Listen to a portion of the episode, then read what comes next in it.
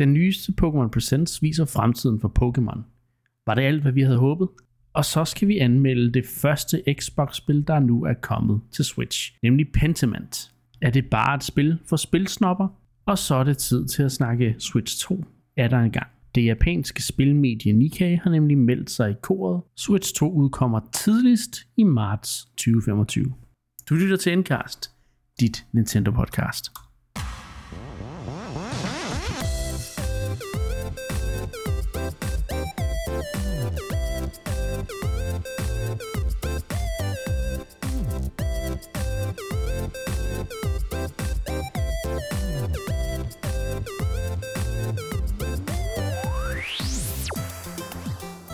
Mit navn er Niklas, og jeg er jeres vært.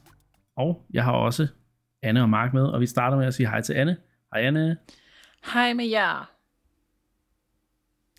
Nå, jeg kan forstå, at du har spillet et spil, Anne. Som, øh, vi, ikke, som vi andre ikke har spillet, så det kan vi desværre ikke anmelde det. Øh, det er fra, mm. fra Riot. Ja. Og uh, hvis man ikke kender Riot, så er det jo dem, der står bag League of Legends. Um, og det er for nogle år siden, og Valorant, og for nogle år siden, der oprettede de sådan et lille indie-label, hvor de vil udgive nogle spil i League of Legends univers, men så øh, i nogle andre genrer end MOBA League of Legends genren. Øhm, og det, deres, hele deres strategi gik så ud på, at de ville tage nogle firmaer, som ligesom havde lavet et spil i den genre, de gerne ville lave, som var super godt, og så skulle de så lave det samme spil nogenlunde, men med et League of Legends skin på. Og øh, sidste år, nu kan jeg ikke huske, det var til en af Directsene, tror jeg, der blev der så annonceret det her lille øh, spil, der hedder Bandle Tale af League of Legends Story, som så, øh, jeg var ikke så interesseret til at starte med det så meget cute ud, noget cute pixelgrafik, en helt øh, cutesy, bubbly farver og sådan noget.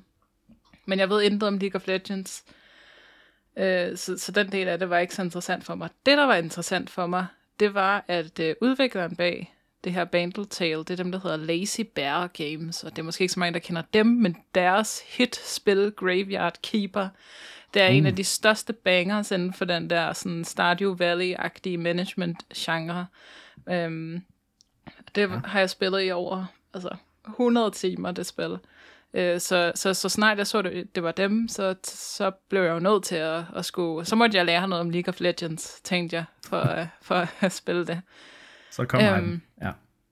Og man kan sige, at Graveyard Keeper, det siger lidt sig selv, du har en kirkegård, du skal passe. Så, så hvordan passer det ligesom ind i sådan et uh, cutesy League of Legends-univers? Um, og det gør det på en lidt mærkelig måde, fordi det her spil er virkelig mærkeligt. Jeg har svært ved at forklare. Jeg skulle sidde og forklare en af mine venner i går, sådan, hvad er egentlig det her, hvad er det går, går det her spil ud på? Jeg synes, det var sådan seriøst svært. Men jeg skal prøve, jeg skal prøve. Det er ikke, det er ikke sådan et, det er ikke sådan et start, det er ikke et farming-spil. Det, du har ikke en kirkegård. Det du har, det er, det, det, er en slags adventure-spil, der foregår på sådan nogle underlige, sådan magiske verden, du sådan rejser igennem, og med der har du så sådan en rygsæk, du så kan lægge ned, og så bliver det til et lille hus. Det hus kan du så slå sådan nogle tæpper ud, så, så du kan lave sådan en lille øh, tæppebazar. Øhm, eller du kan folde et tæppe ud, der er sådan et dance party øh, tæppe.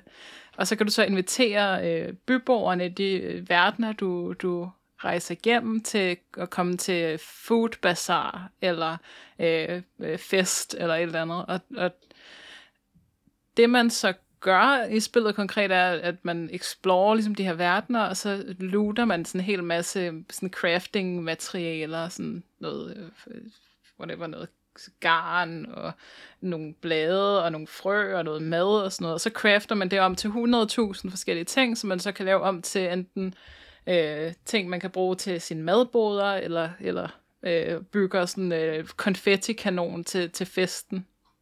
Og så afholder man sådan nogle fester. Det er et enormt sådan, narrativt tungt spil, hvilket jeg blev meget overrasket over. Der er så sindssygt meget dialog, så efter altså, to timer, så stoppede jeg med at læse det. Så nu kommer jeg så alligevel ikke til at lære noget om League of Legends-universet overhovedet. Øhm, men, men, men alligevel er jeg sådan, det har noget af det sådan satisfying game loop, som, som Graveyard Keeper havde, så jeg er sådan lidt, hooked til det alligevel, men ja, det er fucking weird spil. Jeg, det, det er virkelig mærkeligt, og der er nogle mechanics, der er helt sådan underligt, altså virkelig nogle mærkelige design, jeg forstår ikke helt, hvad der er sket, men, men, men det er der sådan næsten, og det er nok til at have hooked på det, vil jeg sige. Fedt. Jeg kan så også øh, trøste med, Anne, at øh, 90% af League of Legends spillere, jeg en, en af dem, vi ved heller ikke, hvad loven er i League of Legends, så det, det passer meget fint. men det eneste, jeg kan sige, er, at jeg har set, der er sådan en, der hedder Timo. Åh oh, ja. Det er sådan en, man er, tror jeg. Sådan en type en, dyr. Sådan en jordel, tror jeg, hedder. Ja, jordel hedder alle tingene. Ja. Yes. De ved noget om garn og fester og sådan noget. det er det, jeg har lært. Ja. Ja, jamen uh, tak for at snakke om bandelse. Det lyder, lyder som et, et weird spil, men ja. Um, det lyder også som om, du er hugt. Mark, hej med dig. Hej med jer. Altså, jeg var i hvert fald, altså, jeg var ikke helt med på, hvad der foregik i det spil. Så det tror jeg er meget selvforklarende for, hvad Anne var inde på, at det lader til at være mysti- my- mystisk et af slagsen. Så ja. jeg har til gengæld spillet et har... spil, som også er mærkeligt. Men ja. måske knap så mystisk. Ja, det kan diskuteres i hvert fald. Men jeg har spillet Splatoon 3 Side Order. Hey, ny Nintendo-udgivelse. Det er nok gået mange egentlig altså næsten forbi, at Nintendo er aktuel med et nyt spil. Splatoon mm. 3 Side Order. DLC'en, roguelike DLC'en til Splatoon. Ren singleplayer. Og jeg er vild med det. Jeg har spillet det alt for meget, har jeg lyst til at sige. Meget mere, end jeg havde regnet med, faktisk. Jeg havde ja. troet, det var sådan en enkelt tur igennem, og så var det det. Jeg har bare spillet det non-stop hele ugen. Altså, jeg kan ikke lade være. Så, og det er vildt nok. Altså, fordi altså hvis du sammenligner med populære spil som Hades og andre roguelikes, Binding of Isaac og sådan noget, så der er der jo ret tyndt med content her. Der er ikke så mange forskellige ja. bosser, der er ikke så mange forskellige baner og sådan noget, men, men det er bare virkelig, virkelig godt, og det passer utrolig godt til Splatoon gameplayet. Jeg kan bare blive ved. Så ja, der er en lille hidden gem der, hvis man er til roguelikes og eller Splatoon og ren singleplayer. Yep. Jeg spiller jo ikke Splatoon mere i multiplayer. Jeg kommer altid tilbage for de der singleplayer campaigns. Ja, de lavede jo også en banger en til Splatoon 2, der hed Octo det kan jeg huske, jeg om. Ja. Så men den her er også en banger. Men, men kan vi tale om, hvordan det er ret sjovt, det der med, at det ligesom er en trend i branchen, at hvis man ikke kan lave nok content, så laver man lige en roguelite mode. Det er som om, det er, sådan, det, det er ja. blevet sådan en ting, man gør nu, ikke? Der var for konkurrenterne, havde God of War jo en, ikke? Og jo. senest uh, Last of Us Part 2 re-releasen til PlayStation 5 havde også sådan en roguelite mode. Det er jo bare det nye hotte. Det er noget op i AAA-lagene, ikke? Efter at os indie-folk, vi har nyt godt af den genre de sidste 15 år. Mm. der går altså, der er sådan lige en, uh, et delay før det når til AAA. De skal lige mm. se, er det, er det noget? Ja, det er det, okay. Mm. Og, så når det ved at gå ned af, så tager det ind. og der kan man jo sige, at det er interessant, at Nintendo går den vej, fordi de er jo ellers ikke på samme altså, måde nogen, der sådan trend chaser helt vildt meget, vel? Altså, Ej, der skal virkelig gå lang tid før, at Altså, vi har jo ikke set et Nintendo Survival-spil, eller et Nintendo Survivors øh, i Vampire Survivors-stilen øh, endnu. Ikke nogen af de der kæmpe genre, Battle Royale og sådan noget. Ikke? Så Nintendo er ikke normalt nogen, der sådan chaser de der sådan helt friske PC-trends, vel? Men Artificus alligevel... 99? Det er de for det er rigtigt, ja. Det, det er rigtigt. for stolte til, jo, ikke? Ja, det, det skal ikke hedde sig, at de har kopieret noget. Det skal være de andre, der kopierer Nintendo. Sådan skal det være. ja. ja. ja. Det er rigtigt nok. Men, men, men åbenbart er de unge, gennem den unge, de unge kræfter hos Nintendo, er, de har det fint med lige at lave en roguelite mode. Det er fordi, de har spillet et andet sted og tænker, det skal vi også have. Det, det vil vi også have til. Ja, men jeg bliver bare nødt ja. til at sige her afslutningsvis på den der. Der må, de skal og må lave et eller andet stort Splatoon singleplayer-spil på et tidspunkt. Kan I huske, vi snakkede om det omkring udgivelsen af Splatoon 3? Der jo, er så virkede. meget potentiale i at lave et Splatoon 3 singleplayer-spil. Det er ikke for at tage noget fra multiplayeren, den er også fantastisk, men en træer singleplayer, eventuelt med noget co-op ind over, ikke? Sådan et co-op shooter, singleplayer-drevet, historiedrevet spil. Wow, det vil være... Jeg tror virkelig, det vil kunne få mange til også måske at tilgå Splatoon på en anden måde. Jeg har stadig indtryk af, der er mange Nintendo-fans, ikke mindst i Vesten jo, der springer den her franchise over. Vi ved, den er mm. størst. Klart størst i Japan. Og kunne ja. det være ligesom, du ved, det, der skulle til for at sparke døren ind hos de mennesker, det tror jeg måske faktisk, det kunne være. Så nu må vi se. Ja. Et Splatoon Nå. Left for Dead 15 år senere. ja. det kunne være meget fedt. Nå, Anne, jeg har jo drillet dig meget med Baldur's Gate 3 og sagt, nu skal du også snart spille nogle Nintendo-spil og alt det der, ikke? hvad er det, jeg har brugt den, hvad, hvad er det, jeg har været helt natten op øh, for at spille i nat? Det var selvfølgelig et nyt Playstation-spil. Final Fantasy 7 Rebirth, den nyeste kapitel i Final Fantasy 7 Remake-trilogien. Ja, det, det er sådan en... Ja, ja det, det siger vist det hele, ikke? Um, så, så ja, nu er det mig, der er på, på, på ja, ikke Playstation, hvor nødvendigvis, men på, ja, på de andre, andre platforme. Puha, puha Niklas. Puha. Hvad bilder du dig ind? nu skal jeg finde noget. Ja, jo... Ligesom jeg drillede Anne med Baldur's Gate 3 ja. i et par uger eller måneder, eller hvor længe det står på, så må jeg jo finde et eller andet, jeg kan drille dig med med Final Fantasy. Ja, det må du. Der er ikke nogen flagrende tissemænd, kan jeg godt afsløre. Men, øh... Nå, så er der flagrende andre ting, har jeg kunne se på Twitter. Måske. Men, øh... ja, det... er mere heteronormativt spil, som man vil se, hvis man var woke. ja, det må man sige. Det kommer jo også fra, fra, fra Japan, kan man sige. Så. Ja. Men øh, jeg har hygget mig ret meget med det til videre. Det er jo... Altså, Final Fantasy 7 er mit yndlings øh, JRPG fra Playstation dagene, og, og jeg har meget nostalgi for det oprindelige spil, og så kom den der remake part 1 der, for nogle for ja, tilbage i 2020, og jeg var vild med det. Jeg, jeg åd det bare råt, og det er det samme med toren her. Det så. Så det kommer jeg til at begrave mig rigtig meget i. Jeg skal jo nok jeg skal prøve at få plads til, til andre, til Nintendo-spil og sådan noget, men øh, ja, det bliver lidt hårdt, det må jeg nok indrømme. så godt at høre fra jer.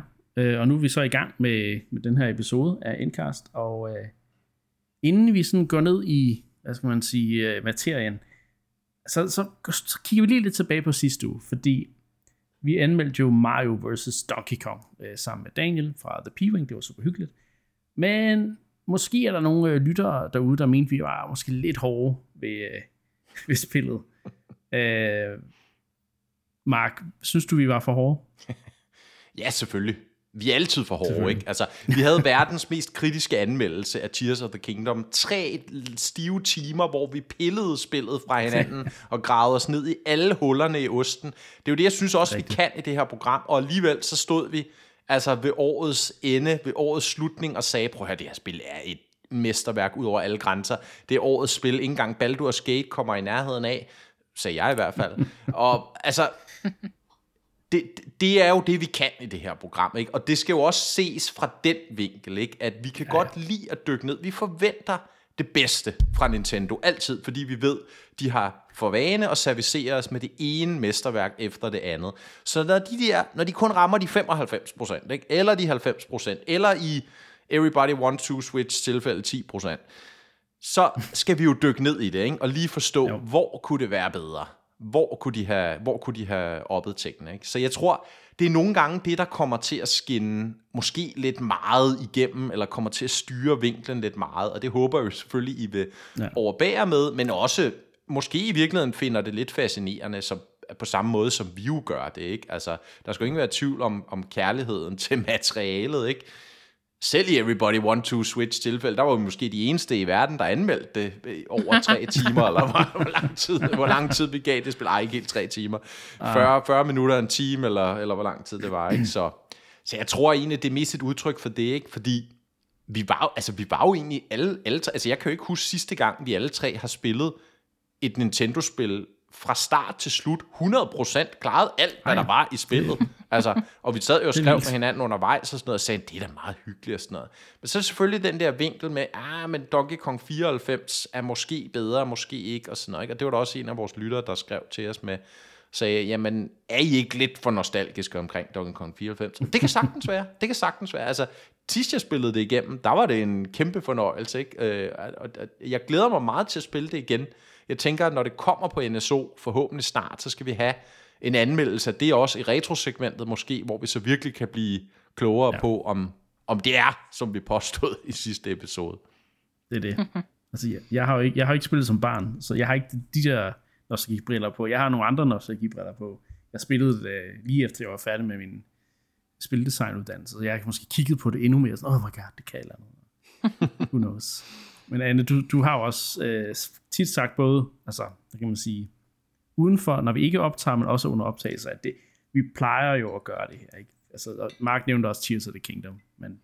Ja, men jeg elsker ja. jo det der, det der citat, hvor at Altså, vi har literally, literally siddet, mig og dig, og altså, skubbet til Mark for at se en eneste positiv ting om Tears of the Kingdom i, altså, i to timer efter vores first impressions. Og så til sidst ja. siger han, Gud hjælper mig, men det er jo et øh, næsten perfekt, eller jeg kan ikke huske, hvad fanden det var for den, øh, du brugte sådan, men det er jo et mesterværk, måske det er de bedste spil, jeg nogensinde har spillet, ikke? Sådan, og vi har bare siddet to timer, og jeg bare var sådan, oh my god, men, det var... det, det, eller hvad? ja. ja, så, øhm, ja. Så, så det er lidt det, og, og selvfølgelig, altså vi har jo også overvejet sådan noget med, skulle vi give karakterer til spil, ikke? Fordi at, altså kan man sige, når vi sidder og, og, og piller Tears of the Kingdom fra hinanden i, i tre timer, eller et andet spil, et hvilket som helst andet spil, og vi så alligevel alle sammen vil give det 10 ud af 10, eller whatever, altså måske kunne det give en anden, øhm, altså en, et anden vinkel til det, ikke? Altså måske netop hjælpe med at highlighte, øh, ja. at, at når jeg kalder Another Code det dårligste spil, jeg nogensinde har spillet, så er det jo interessant at vide, vil jeg give det 4 ud af 10 alligevel, eller vil jeg give det 1? Altså, der, ja, der er jo alligevel det, noget der, ikke? Det kunne være interessant at høre, især med det spil, du vil give det. Ja. Jo, ja. du har ret. Det, det kunne da skabe en nuance måske. Så. Ja.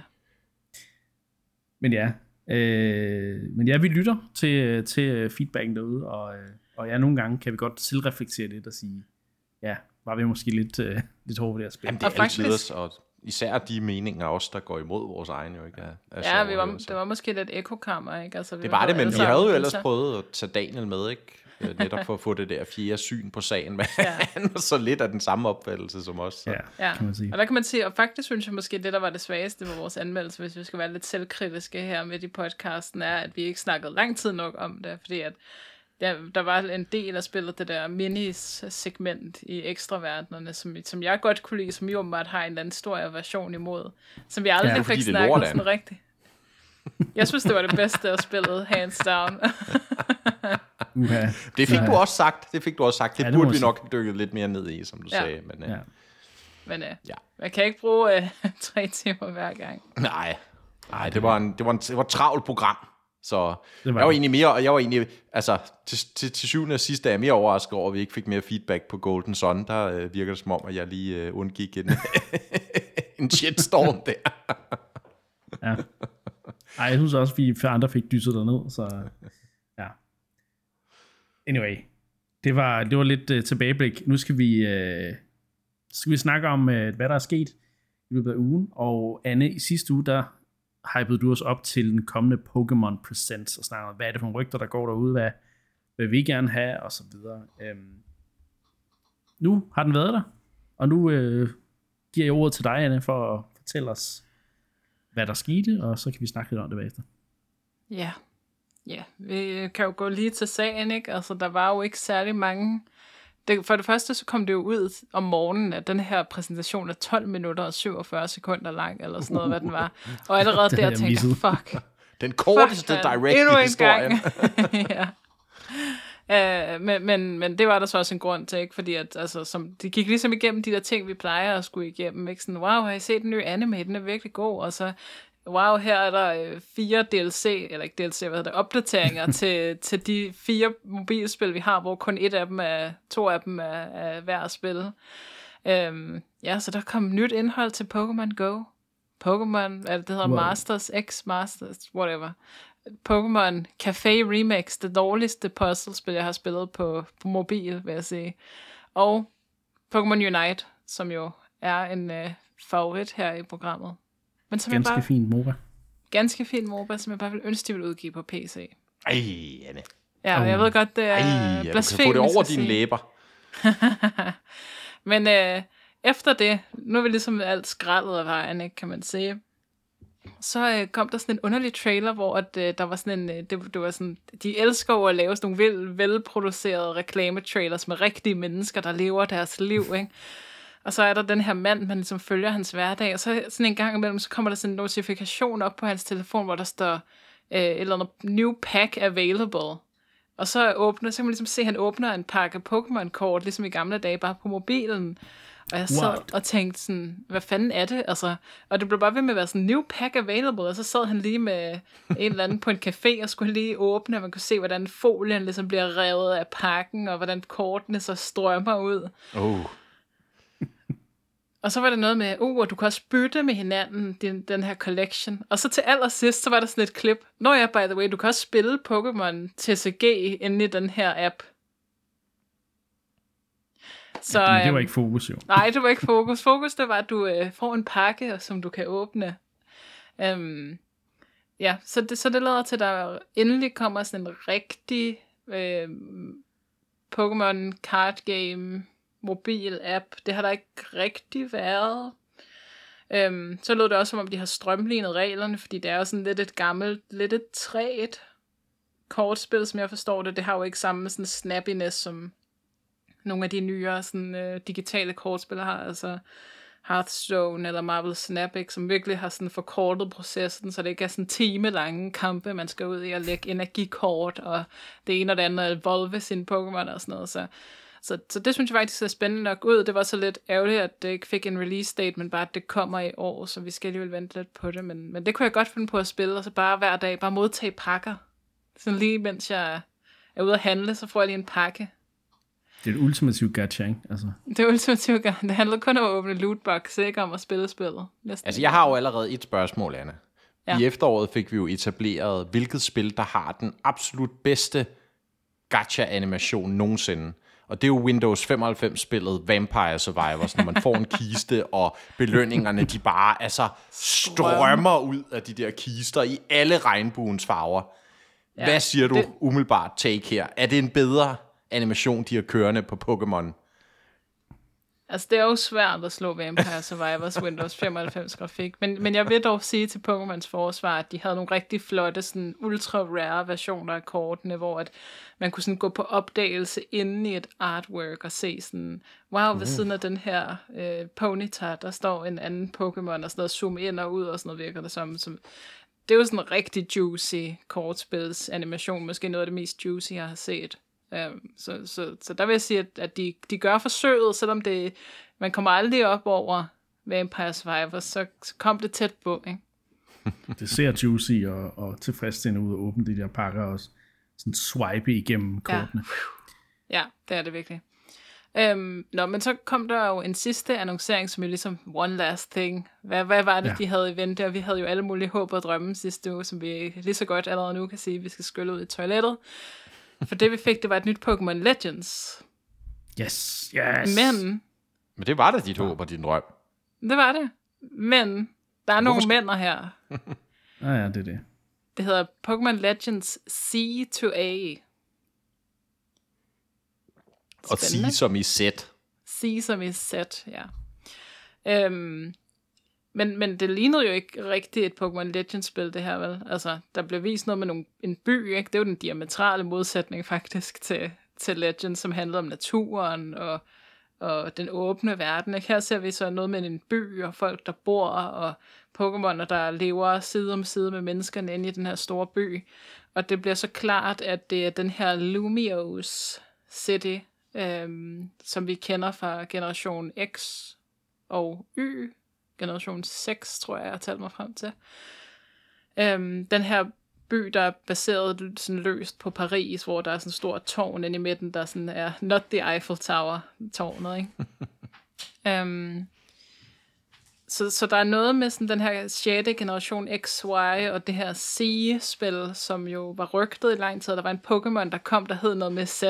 Jeg tror, den hed ja. Zygarde eller sådan noget som ikke, den, aldrig, den blev aldrig rigtig en del af historien, og mange tænkte, ligesom nu kommer der sådan et Pokémon Z-spil, øh, ligesom der var Crystal og Emerald og Platinum og alle de her, ikke? det var jo ligesom øh, standarden for, for Pokémon-spillene, ikke? men det, det kom aldrig. Så er det på en eller anden måde måske nu, at vi så får det her sige. Øhm, så, så det var en lidt interessant trailer. Desværre kommer spillet først i 20 25, og det er jo måske også signifikant, det kan vi måske snakke lidt om, der blev ikke vist noget gameplay eller noget som helst. Um, ja. Ja. Ja, der var en sidste ting, jeg glemt. Whatever. Um, og så kan man sige, at uh, hvis nu snakker vi jo altid om, hvad bliver der vist til sådan nogle her præsentationer. Vi snakker aldrig om, hvad bliver der ikke vist. Og, og noget, som jeg synes virkelig sådan larmede i sit fravær i den her uh, Pokémon Presents, var at der er ikke noget remake i år. Der kommer ikke Black and White. Der er ikke noget re-remake, ikke? der er ikke noget Let's Go Johto-spil. Ingen af de gamle spil kommer på Nintendo Switch Online, som jeg har tækket og bedt om i mange år. Intet stort Pokémon-spil overhovedet i 2025. Øh, undskyld, 2024. Så det er første gang. Altså, det er så lidt et, et nyt, ny verden, vi skal vende os til. Ingen stor Pokémon-release i år. Nej, det var jo um, netop det, vi havde snakket om så sent som i sidste uge, at det kunne lidt blive Nintendos redning for i år, faktisk, ja. ikke? hvis der kom et stort Pokémon-spil til at bære efteråret, efterårssalget, mm-hmm. julesalget for dem. Nu er det jo virkelig, man må sige, pilen peger på, at der er et spil, som måske skal det, af hvad vi kender til i hvert fald for nuværende i Metroid Prime 4, ikke? Og det, altså, det blegner jo fuldstændig i størrelse i forhold til Pokémon, ikke? Så uha. Det er jo det. Ja, men det er en separat diskussion, men, ja. Intet nyt Pokémon i 24. Det er vildt nok. Det er vildt nok. Og jeg ser kan, det jo som en god ting. Ja, og, og det kan man måske lige få med som det sidste her, at, øh, at Pokémon ligesom står over for den her skillevej, ikke? De skal, hvad, hvad, hvad er deres strategi going forward, ikke? De har haft de her teknisk haltende spil, som vi har set på Switch, ikke? Øh, de har virkelig noget at bevise, ikke? Og, og man kan sige, hvor før i tiden, der har der virkelig været langt til de nærmeste konkurrenter for, for Pokémon, ikke? Altså, der har jo ikke været noget, der har kunne måle sig med det, ikke? Men, men da Palworld ligesom rammer her i januar måned og bliver, altså, har solgt mere end Scarlet Violet nu, ikke? Altså umiddelbart. Øh, 25 ja, lige, millioner. Ja, det er vel nogenlunde det samme, kan man sige, ja. ikke? Lige omkring man det samme. Så sige, det, er det ikke også talt med spillere på Game Pass? Det er så jo, Game det er Pass spillere, ja. Men det, stadig, det har solgt 15 millioner, så vidt jeg ved, og så har det 10 millioner ja. Game Pass spillere. Så flot. stadig fuldstændig vanvittigt for, hvad det spil er. Um, så man kan sige, der er jo meget på spil for Pokémon nu, ikke? Altså, vi har snakket om det her med, giv, giv dem noget tid, ikke? Giv nu jeres spiltid til at blive gode, blive færdige, og så hver gang, og, og når de så kommer med sådan en Pokémon Present her, ikke, hvor at, så viser de ikke rigtig noget, så sad vi er sådan lidt skuffet, sådan, øh, hvorfor viste de ikke et eller andet spil, vi kunne få til efteråret? Men, men, men det tyder måske på, og det kan jeg jo ligesom stille spørgsmål til jer, hvad siger det om Pokémons strategi fremover, den her Presents? Hvis den siger noget, hvis vi kan sige altså, noget med det. Jeg tror på, altså der er ligesom to, for mig er der ligesom to vinkler, man kan, man kan dreje det i. Og den ene, det er, er det fordi Game Freak har taget kritikken til sig for Scarlet Violet, der siger, at vi er nødt til at bruge lidt mere tid på at lave et spil, der ser ordentligt ud, et spil, der øh, spiller ordentligt, øh, og som måske har noget nyt, man skal sige. Altså, brug tre år i stedet for to år. Det er kun et år ekstra, men det er bare meget i forhold til, når man tænker på, hvad Game Freak normalt gør. Øh, det, er den ene, ligesom, det, det, er den ene måde, man kan se det på. Den anden måde er jo også det her med, at det kommer i 2025. Hvad er det ellers, der kommer i 2025? Hvad vi har rapporter på, det er den nye Switch. Mm-hmm. Så er det simpelthen fordi, at Poke, det første nye Pokémon-spil, øh, eller det, første, det, det næste Pokémon-spil er faktisk det første Pokémon-spil på en Switch 2. Mm. Og det er derfor, det tager ekstra tid. der er lige noget, der sådan i dette øjeblik sådan, øh, connecter i min hjerne om det her. Oh. Er det her spil grunden, en af de store grunde til, at Switchen bliver udskudt? Det kunne det godt være, jo. Altså, altså vi, vi hører rapporter men, om uh, studier, der har brug for ekstra tid, og når vi så kigger igennem, hvad er det for nogle Nintendo-studier, der skulle have brug for ekstra tid, så sad vi og tænkte sådan, uh, altså, det kan ikke være Mario-teamet. Ja. De har haft otte år. Og det her, det giver tro, komplet mening for mig, at... Tror du virkelig, at det her ville være et launch-spil på Switch 2? Vil det, vil det ikke være et holiday? Jo, men, det, men selvfølgelig det... kan det selvfølgelig godt have en indvirkning på, hvad for en launch lineup du har hele året, eller hvad skal jeg sige. Der er bare et eller andet med, Switch 2 den. Der, der er bare et eller andet ja. med den her korte fremvisning nu. I don't know, men det er jo heller ikke sikkert, at de vil have vist det frem alligevel, hvis ikke den uh, konsol Nej, og så er der jo også, altså, så er der jo også det her aspekt med, hvad gør Pokémon Company med det her spil? Er det et cross-gen spil, ikke? Altså er det mm. til den nye maskine? Er det til den gamle mm. maskine? Er det til begge ting? Hvis det er et cross-gen-spil, så er det meget bekendt første gang i Pokémons historie, at de på den måde udgiver et spil over generationer. Hvor vi ellers typisk har set dem ja. med Ultra Sun and Moon jo ikke var på 3DS efter Switch udkom, så vidt jeg husker. Mm. Og det er jo klart også, fordi man kan sige, at kernemålgruppen for et Pokémon-spil er jo ikke nødvendigvis, du ved, first adopters på en ny maskine, dem der bare skal ud og have det nyeste tekniske, lige så snart det kommer på markedet, vel? De er sgu nok mere interesserede i de der 140 millioner Switch-ejere, der sidder derude lige nu, og, og godt kunne tænke sig et, et Pokémon-spil, især hvis det får en, en, en, en spændende ny indpakning, som det lader til det her gør. I hvert fald en ny indpakning. Så skal jeg ikke kloge mig på det andet. Så, så ja, der, der, jeg, jeg tror måske ikke, Anne, helt på den der. Jeg kan godt se, hvor du vil hen, men, men jeg tror alligevel, at der er Pokémon simpelthen bare for, altså, stort på en eller anden måde til, at det, det skulle være det, der, der, der gjorde det. Altså, det, det er ikke Men det, det, der betyder det, noget. Det er det primære studie, hvor man tænker, når man hører det der med at give mere tid til udvikling, at ja, der er, der er et eller andet. Jeg synes, jeg kan lugte, der er et eller andet her. Men, men der men, tror jeg men, bare, at Nintendo de tænker anderledes. Ikke? Altså, det handler mere om simpelthen at få spillene færdige. Altså også at give tredjeparter, måske ikke kun Game Freak, men, men også andre bedre tid til at gøre de her ting klar så de får ligesom et, et bredere launch line-up, jo, ikke? Ja, I don't know. Det kan godt være. Det kan Hvis godt det være, først er i 25, ikke? julesalget 25 alligevel, hvordan... Hvad, hvad skulle det så... Ja, så sender de maskinen på markedet i starten af næste år, og så har den et halvt år til at bygge. Men altså selv, selv lad os sige det ikke, så kommer den på markedet til sådan noget marts næste år marts foråret eller et eller andet, og så har den så 6-8 måneder til at bygge en install base, som så er stort nok til, at det her spil kan udkomme. Og hvis det så kun er på den maskine, altså hvad, hvor, lang, hvor meget kan den sælge på et halvt år? 10 mm, millioner, 10-15 millioner eller sådan noget, hvis bølgerne går højt.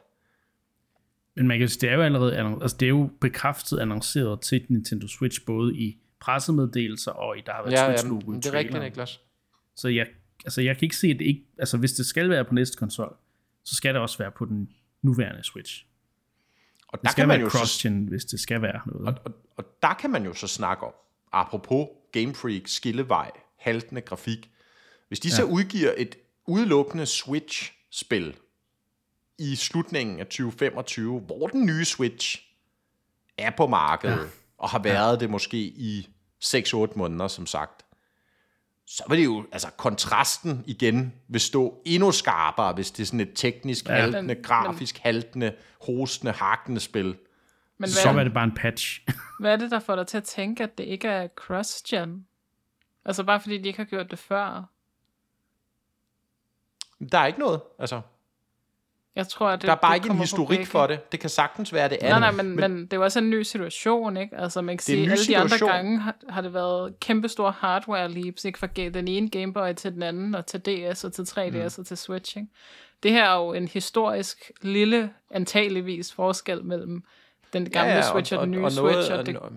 Ja, ja men det, og det er rigtigt, og noget af samme arkitektur og sådan noget, så så du har en pointe, men, men omvendt igen, man kan også finde modargumenterne, så sige, jamen Game Freak netop, altså de er ikke kendt for at bruge tid og sætte budgettet af til at lave de her store produktioner, vel de ved, de kan knalde det ud, de nogle gange knaller ud, og så sælger de alligevel 25-30 millioner efterhånden, ikke? Og skulle de så have sat, er det så et ekstra team? Sandsynligvis ville det jo så være et ekstra team, de skulle sætte til at simultan udvikle den her Switch 2 version. Men mindre der selvfølgelig er tale om det her scenarie, hvor det ligesom bare er Switch-versionen, der ja. kører bedre på Switch 2, ikke med en eller anden form mm. for patch-upgrade, som vi jo som vi jo snakkede om for nylig her i programmet. Et eller andet. Det tror jeg, det, det, mest det tror jeg også er det mest sandsynlige. Så det er ikke en separat version som sådan, men der er måske nogle performance-forbedringer, hvis man spiller på den nye maskine. Ja, ja spændende. Ja. Jeg og så spændende. kommer generation 11 det første generation 11, det er udelukkende udviklet til den nye Switch, som kom, måske kommer i 2026 eller noget, ikke? Ja. Kunne man forestille sig. Øhm, der er et andet spørgsmål, som jeg synes, vi lige kort kan berøre så her. Fordi at øhm, det hedder jo Pokémon Legends, men hvad er et yes. Legends-spil egentlig så? ja, altså det, ideen med, med at kalde det Legends er jo det, altså jeg, jeg havde lidt for, altså forestillet mig, at det var øh, hvad kan man sige, legender og gamle fortællinger fra, fra, fra Pokémon-universet, der ligesom ja, bliver genfortolket, jeg skal sige. Vi har jo øh, det første Pokémon Legends Arceus, det, er jo, det foregår jo i, i fortiden, i sådan noget 1600-tallet eller sådan noget, ikke? I, i, ja, i sådan feudalt, Japan-agtigt land. Japan, men ikke øhm, Japan. ja, præcis. ja. Og hvad kan man sige, jeg, synes, jeg tror, øhm, jeg tror simpelthen, at, at, at der er et eller andet med, med fortid i det her. Og, og jeg kunne forestille mig, at der går nogle rygter på nettet omkring det her nye ZA. øh, og med Lumio City, og det der med, det er et, i traileren siger noget med, det er Urban Development Plan, eller sådan noget, ikke? Så der er nogen, der, der tænker, at det her det faktisk er en gammel udgave af Lumio City, som man ligesom måske skal hjælpe med at bygge op, eller man skal gøre et eller andet. Øh, sådan, så det ikke er en fremtidig udgave, eller det ikke er en nutidig udgave, som vi kender fra X og Y, men det ligesom er, ligesom man kan sige, Paris har været igennem mange genskabelser, eller hvad skal man sige, ikke? Så, så det er lidt det samme her med Lumio City. Så jeg kunne godt forestille mig, at Legends peger på, at det igen er en fortidsfortælling, og det er mm. hovedsageligt det, det gør. Jeg ved ikke nødvendigvis. Den anden ting er jo selvfølgelig, om Legends peger på, at det er de her open world-spil. Fordi det ja. første var jo et open world-spil, men man kan så sige, at vi har kun et Legends-spil at veje det imod. Så, så det er lidt, måske det er for tidligt nu. Ja, altså, jeg tror, der, der må jeg sige, der tror jeg, at du rammer hovedet på sømmet der, Niklas. Jeg tror, det handler om nu, Legends er blevet synonymet for Pokémon Open World på en okay. eller anden måde. Ikke? Altså, ja. Jeg har ikke hørt den eneste snak om oh, Pokémon Legends, og så, ah, ah, det var fordi, det var sat i 1600-tallets feudale Japan, så det næste Pokémon Legends er sikkert sat i 1400-tallets feudale et eller andet. Ikke? Altså, Game Freak er ah, fokuseret på den del, ikke? Men... Ja, det, og det er rigtigt, ikke? Men, men alligevel, så tror jeg trods alt, at de har nok social uh, awareness, eller hvad man skal sige, market awareness, til at konstatere, hvad var det, folk snakkede positivt ja. om med det her spil? Det var open world-delen, det var ligesom det, der definerede mm. det, det var et nybrud for Pokémon, alle de her ting. Nye nu er det det, der er synonymet for. Ja, jeg synes, det er rigtig spændende faktisk, at ja, de ja. går væk fra ligesom en, en, en typisk open world, og ned til sådan en mere sådan en, jamen, lukket er jo det forkerte ord at bruge, en, en lukket open world, det, hvordan giver det mening? det kan det sikkert godt, men, men sådan altså. den her bysætning, ikke? Altså, jeg så nogen, der skrev på nettet, at det her Pokémon svar på GTA. Assassin's Creed. Assassin's Creed, et eller andet, ikke? Det er selvfølgelig lidt fjollet ja. sat på spidsen, men, men der er jo det... noget spændende i det, ikke? Igen, på nær måske, når man så tager Switchen i betragtning, og det der med at skulle rendere en, en tæt befolket by på aldrende hardware, og vi ved i forvejen, hvor det er svært de har, når der er tre hus placeret på en mm. bløjmark, ikke? Så tænker frameraten, så puha. Ja, altså jeg tænker, det... der, er, der er sådan lidt persona-vibes over traileren, synes jeg. Jeg ved ikke, om det kun er mig, der fik det. Men ikke, at jeg tror, at gameplayet som sådan bliver det, men, men altså, det kan jo køre på Switch, kan man sige. Det er jo en, en ret fin rendering af en by. Den er selvfølgelig ikke sådan helt åben, men, men det behøver det jo heller ikke være nødvendigvis. Altså, man kan jo godt forestille sig sådan en model, hvor man skal teleportere mellem distrikter i byen, for eksempel. Ligesom mm. i Legends, der tog man jo ud til forskellige områder af, af den her store verden, ikke? Jo. Øhm, det jeg sådan tænker lidt mere er sådan, hvordan passer det her sådan freeform Pokémon uh, Catch Them All, uh, Catch Them All Many Times uh, gameplay uh, ind i en bysetting, ikke? Altså, det, fordi jeg tænker, der er jo kun x antal Pokémoner, der kan være nede af den mørke gyde om aftenen, ikke? Altså, hvor er det så Pokémonerne lever henne, ikke? Hvor er det, du fanger dem henne? Ja. Altså, der kan jo kun kloakken. være én park. Vand-Pokémonerne er nede i kloakken. ja, kloakken og parken og, og det i gyderne. der var en park per distrikt. Græs-Pokémonerne har det hårdt, må man sige. Ja. Ja jeg tror, der var fire eller fem pakker på det der blueprint. Jeg har, jeg har nærstået den der trailer på gang.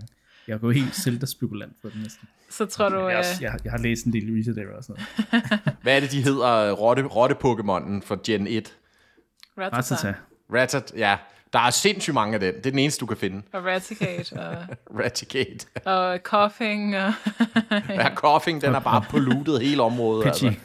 og den der skraldespands Pokémon. Nå ja. Generation Nå ja. 4. Ja. Den hedder Garb, Garbador.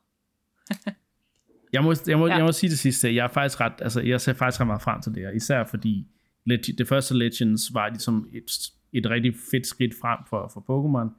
Det virkede mere nyskabende, og, og så bare det her med, at de har helt til 2025 at udvikle i, måske til, men måske i hvert fald helt resten af i år har de med til at udvikle spil, ikke? Det synes jeg, altså, det kan godt være, at de ikke gør som, så umage, som de bør gøre sig, men jeg, jeg, har, jeg har bare en eller anden idé om, det de får ekstra, det spiller for ekstra tid i ovnen, det er en god ting. Jeg er faktisk ikke skuffet over, at der ikke kommer noget Pokémon i år. Øh, jeg, jeg, jeg, synes, det er en, jeg, jeg er meget positiv over det. det, det men hvad skal fedt. du spille, Niklas, til efteråret? Uha. Jeg har en backlog. Ah, okay. øh, jeg skal selvfølgelig spille Paper Mario 2, uh, Thousand Year Door. Men, ja, det kan du ikke bruge et halvt år på, hva'? Nej. Nej. De har, meget, hvor mange de, gange tror, du speedrunner det, så kan du ikke bruge det halvt år på Nintendo det. har et spil i ærmet, de ikke har annonceret ja. endnu. Ja. Så de annoncerer fire, 6 til 4 måneder før det udkommer. Vi skal alle sammen dykke rundt i Endless Ocean hele året. Det, så er det, det godt, det er Endless, jo. Det var det. Nå ja. Nå. Men ja, det var det for Pokémon Presents denne gang. Så tjekker vi ind om et halvt år, hvor det endnu en gang ikke bliver... ah, det bliver nok vist frem næste gang, må det ikke? Ja, må det ikke vi får en gameplay-trailer næste gang? Jo, det tror jeg også. Jeg tror rundt til, de har vist gameplay fra det. Det er måske, fordi de er lidt bange for at vise det for tidligt, som de har gjort med de første, de sidste to, ikke? At de er bange for, at, at der skal være den der gradvise opgradering igennem trailers. Jo, måske der... eller ikke. Mm. ja. ja. Ja. Men nu til noget helt andet værk. Nu ja. til noget helt andet. Nu skal vi snakke om et spil, jeg har glædet mig rigtig, rigtig meget til at snakke om. Det er jo en af de her spil, vi fik fremvist for nylig i ja. Partner Direct, Partner Showcase. Det er et af spillene fra Xbox, og så har man måske regnet ud, hvad det er. Det er Pentiment. Må jeg ikke lige skyde ind og sige, Mark? Ja. Du har rent faktisk også, du har, du har fået begge medværter til at spille det. Jamen selvfølgelig. Vi spiller jo de gode spil her i programmet. Ja, nu må vi jo så se, hvor godt det er. Men øh, det er jo i hvert fald historikken omkring det her spil, også som jeg fik øh, præsenteret det dengang, var jo, at det her er et meget, meget anmelderros spil, meget kritikerros spil, men jo åbenlyst også, når Microsoft og Xbox vælger at bringe det til Switch, er det jo også fordi, det her det er et spil, der har vi kender ikke tallene, men formentlig floppet ret fælt på, på, på Xbox. Det har ligesom ikke fundet et publikum, det har ikke solgt nok kopier til, at det ligesom man kunne være tilfredse derover. Det har skulle ud på andre platforme. Og jeg har hele tiden tænkt, at Switch var et godt fit, fordi det, det ligner jo lidt et indie-spil, selvom det bestemt ikke er det. Og det har nogle af de der kvaliteter, som jeg tænker måske nogle Switch-ejere vil, vil sætte pris på. Og øh, nu må vi jo se, om også øh, nogen her i programmet, eller nogle af vores lyttere, kan hoppe med på vognen. Som du sagde, Niklas, jeg fik jo i hvert fald Anne og dig til at spille det, og jeg glæder mig utrolig meget til at høre jeres meninger. Jeg spillede det jo selv ret for nylig faktisk, tilbage i efteråret spillede jeg det selv på en anden platform, som sagt. Øhm, der vidste jeg jo ikke, det ville komme til Switch. Hvis jeg havde vidst det, også jeg havde vidst, hvor god en version der er på Switch, det kan vi vende tilbage til, så havde jeg ventet til at spille det på Switch. Men anyway, lidt forhistorie. Pentiment. Et historisk inspireret adventurespil slash RPG. Der er i hvert fald rollespillelementer i, synes jeg ikke er forkert at sige. Sat i 1500-tallet, middelalderen, renaissancen. Man følger den aspirerende svært ord. Hvad er det egentlig? Hvad kan man sige? En, en undertræning. En illuminator. Og hvis man heller ikke ved, hvad illuminator er, det ved jeg i hvert fald ikke, måtte jeg lige øh, ind på Wikipedia. En, der opsætter historiske værker i sirlig skrift og med flotte illustrationer. Dengang, det var jo inden man havde trykken i og for sig, eller den var kun lige på vej på det tidspunkt, det arbejder spillet faktisk også med, så skulle man jo simpelthen have folk til at afskrive bibler og andre sådan historiske værker, fiktion eller hvad det måtte være. Og det var jo især rigmænd, der kom til de her eksperter i det og bad dem om, du ved, at lave, lav mig den flotteste version af Bibelen, du kan, du kan lave. Ikke? Og det tog flere år, altså, som de skulle sidde og skrive de her, hvis man nogensinde har set sådan nogle bøger øh, og så videre. Ikke? Altså tænker man, hvordan er det overhovedet muligt at tegne og skrive så flot? Det tog meget, meget, meget lang tid, og hovedpersonen i Pentiment, som sagt, er en af de her personer, der arbejder med at gøre det. Han hedder Andreas Mahler. Jeg havde lyst til at sige, at han er tysker, men det bestemmer man sådan set lidt selv, hvad hans ophav er. Det foregår i hvert fald i Tyskland, eller det i dag, vi kender som det sydlige Tyskland. En fiktiv by, godt nok, der hedder Tassing, men ligger i det område, der hedder Bavaria, som er ligesom det sydlige Tyskland. Bayern, tror jeg, er det nærmest, øh, man kommer på det i dag, sådan ned mod Østrig og så videre. Andreas Mahler, hovedpersonen her, bliver omdrejningspunktet i et mormysterie, da en klient til det her kloster, hvorpå han ligesom bor, og, eller han arbejder, træner på at blive den her eliminator. han bliver simpelthen myrdet. Han har bestilt et værk fra klosteret, men han bliver så slået ihjel på bestialsk vis, og det ser man i spillet ret tidligt, og man bliver så ligesom involveret i at opklare, hvem gjorde det. Altså klassisk whodunit, altså som jeg sagde, lidt inspireret af den her berømte navn, eller bla, berømte øh, roman, Rosens navn. Så ja, hvem har lavet det her spil? Det har Obsidian Entertainment, hvis man kender dem. Jeg kan nævne et par spil, de har stået bag. Star Wars, Knights of the Old Republic, Pillars of Eternity, Grounded, som også snart kommer på Switch. Og så er de ved at lave et nyt stort Xbox-spil, der hedder Avowed, som i hvert fald ikke endnu er annonceret til Switch. Det er jo Microsoft, som sagt, der ejer Obsidian, det vil sige, det er også dem, der ejer Pentiment, det er dem, der ligesom er udgivere, når man køber det inde på, eller når man kigger på det inde på e-shoppen, står der jo Microsoft Game Studios, det er jo ikke ligefrem noget, man er vant til at se, men øh, det gør der altså. Den er god nok. Øh, de købte Obsidian tilbage i 2018, og ejer ligesom alt, hvad de udkommer med. Allerede, som sagt, udgivet på Xbox og PC tilbage i 2022, så det er sådan halvandet års tid siden, knap og nap, så stadig sådan en relativt frisk hukommelse. Og Switch-versionen vil jeg bare lige indledningsvis slå fast. Øh, jeg købte den, fordi jeg skulle se, dels fordi jeg elsker Pentiment, men også fordi, at, at øh, jeg skulle se, hvor god den version var, og den er, altså, den, er, den sidder lige i, øh, den sidder lige i skabet. Simpelthen 1080p, 60 fps, korte load-tider. Altså, jeg kunne ikke rigtig mærke forskel fra da jeg havde spillet det på, på en Xbox, så den, det er den er som skabt til Switch. Der er ingen grund til, ingen, ingen grund til bekymringer her i hvert fald. Nå, nu har jeg snakket længe nok om det her spil, og jeg har også allerede lidt afsløret, kan man sige, hvad min holdning er til det. Så jeg kunne rigtig godt tænke mig at spørge først dig, Niklas. Ja. Hvad er, eller var dit første, førstehåndsindtryk af Pentiment, og hvor langt er du egentlig kommet? Ja, Øh, mit førstehåndsindtryk var, at øh, det var sådan lidt, oh, det er sådan lidt lektieagtigt, jeg skal spille det her spil. Det er sådan meget, meget teksttungt, og et meget fed artstyle, men uff, det, jeg, jeg kan jo til tider godt lide at, at fordybe mig i et rollespil, eller i, i andre spil, hvor der er meget snak og dialog og sådan ting, men når jeg skal læse det meste af det selv, så kan jeg godt blive lidt afskrækket. Men jeg havde jo hørt rigtig godt om det både fra Mark og fra, fra anmeldere derude, så tænkte jeg, okay, det kan, det, det, der må være alt andet. Jeg må blive hooked på et andet tidspunkt. Og jeg tror, der gik... Jeg skulle lige over de der 10, første 10 minutter, hvor jeg var sådan lidt, okay, der, der er virkelig meget øh, dialog her, men der var også rigtig mange små sådan hooks, øh, hvor man sådan får lov til at dykke ned i nogle, nogle nærmest øh, interaktive øh, hvad hedder det, malerier, øh, som er et del af, som er lavet den her stil, som de her ja, gamle bibler blev trygt i og sådan noget. Ikke?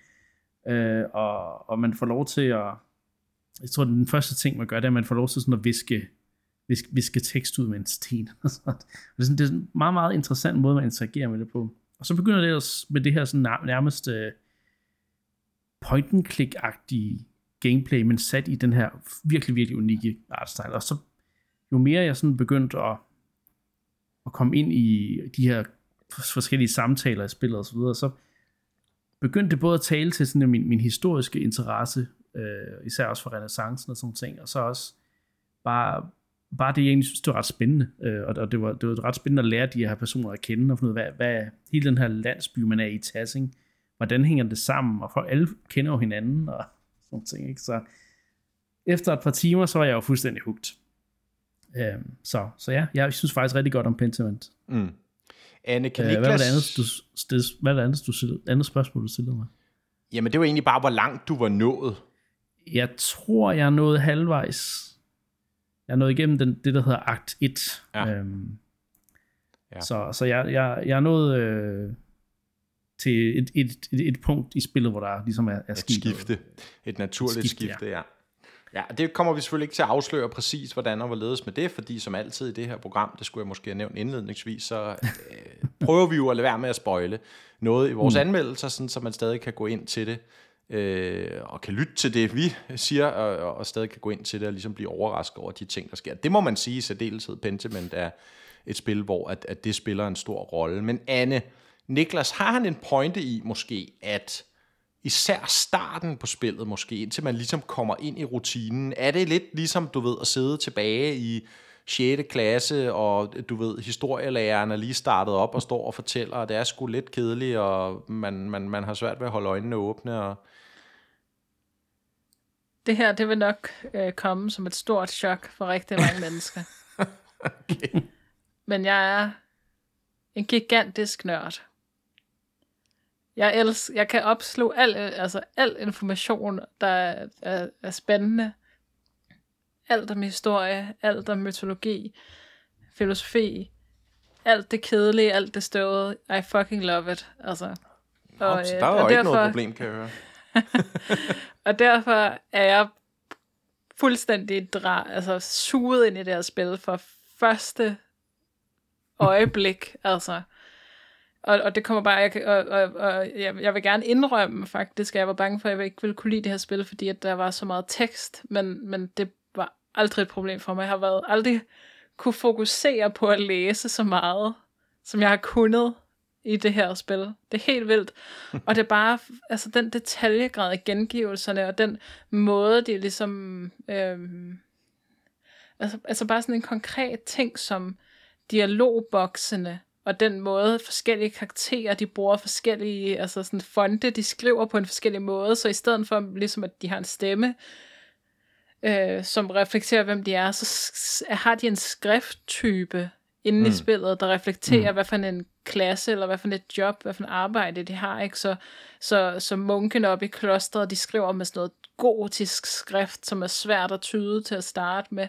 Og, og nede i, i arbejderklassen, bønderne, de, de skriver lidt mere tjusket, og de laver lige en stavefejl, og så visker den ud, og så kommer der, bliver det rigtige skrevet ind bagefter. Og det er bare så gennemgående fedt lavet. Altså, det er helt vildt. Og, og også den måde, det sådan, når de skal, hvad hedder det, sådan, øh, frembringe sådan følelser, ikke? hvis karakteren er vrede, eller sådan øh, i panik, eller sure, så er det ligesom det her skrift, der jo ligesom øh, foregiver at være skrevet med en eller anden øh, fjerpen, ikke? Man kan nærmest høre, når det bliver skrevet, den der krassen over noget gammelt ja. pergament. Øh, hvad biler øhm, du dig ind? ja, og hvis de er rigtig sure, ikke, så, så kommer der sådan øh, blækklatter rundt om mm. bogstaverne også, mm. og det er sådan, det er bare den detaljegrad i, sådan at og det, det er bare en, et genialt designvalg, altså, og, og jeg, jeg hørte, at, øhm, at øh, ham, der var, var game director, øh, Josh var blevet Sawyer. spurgt, Josh, ja. Josh Sawyer, han var blevet spurgt om, hvis du havde budgettet, ville du så have lavet voice acting? Og så han var, var han sådan, ja, det vil jeg nok, og så gik der lidt tid, og så var han sådan, Nej, det, det, det vælger jeg faktisk ikke, fordi jeg synes, den måde, vi ligesom altså, konvejer de her øh, følelser, de her menneskers baggrund på skrift, er perfekt, som den er. Mm. Og, og, og, og det, det fik mig bare, altså, det sugede mig direkte ind i universet, og så, og så noget af det her øh, RPG, nogle af de her RPG-elementer, du snakker om, øh, var også virkelig, virkelig spændende, fordi at der går ikke så lang tid, før du begynder at skulle tage sådan nogle valg om, hvem er Andreas Maler i din version af spillet. Ikke? Du kan starte mm. med at vælge, hvad for et... Øh, jeg kan ikke huske, det er ikke det sted, han kommer fra, men det er sådan, at han har været ude at rejse, da han har været ung. Hvad er det for et sted, han har besøgt? Øh, og så kan du vælge, om han, ah, Andreas Mahler har boet i Italien, og det vil sige, at han kan latin, og han kan lidt mm. græsk, og jeg er bare sådan, oh my god, this is the best game ever. Men det er jo også Eller de der er... meget sådan personlighedstræk, ikke, som du er inde på, ja. sådan noget med, hvad er det, han går op i i sin frihed, øh, fritid? Er det, at han sådan ja. meget nørdet og sidder derhjemme og, og, og studerer og sådan noget, eller han sådan, ja. du ved, øh, løs på tråden og ude i byen og masser af damer og sådan noget, ikke? Altså man ja. kan virkelig definere, hvordan han skal være som mm. person i sin, i sin egen version. Ikke? Og det er jo selvfølgelig der, rollespil-elementerne kommer ind. Men i det hele taget, Niklas, kunne jeg godt tænke mig at snakke om det her spil. Ja. Altså den måde, det integrerer de her mechanics i sit gameplay på. Fordi udover at sætte den der ramme, altså det er jo, man kan, ikke, man kan ikke rigtig kalde det et point and click efter den gamle skole, vel? Fordi man styrer ja. ligesom selv figuren rundt, men man går ligesom rundt i sådan nogle scener. Det er selvfølgelig 2D det hele, det har vi måske glemt at få sagt, det kan man se om ikke andet på billederne. To det hele, man går rundt i sådan nogle scener, og så står figurerne rundt omkring, og man kan snakke med dem og sådan noget, ikke? Øh, og det er meget et snakkespil, men der er jo også de her valg, man skal tage. Anne var også inde på det, øh, hvor at så lige pludselig får man at vide, når man har sagt noget til en person, uh, de husker, de husker, ja. hvad det var, du sagde, eller det her, det kommer til at forfølge dig senere hen. Der kommer sådan nogle små beskeder op, ligesom en fortæller, der siger, det her, det var et kritisk øjeblik. Der skete noget, der kommer til ligesom at, at have en impact senere hen. Mm.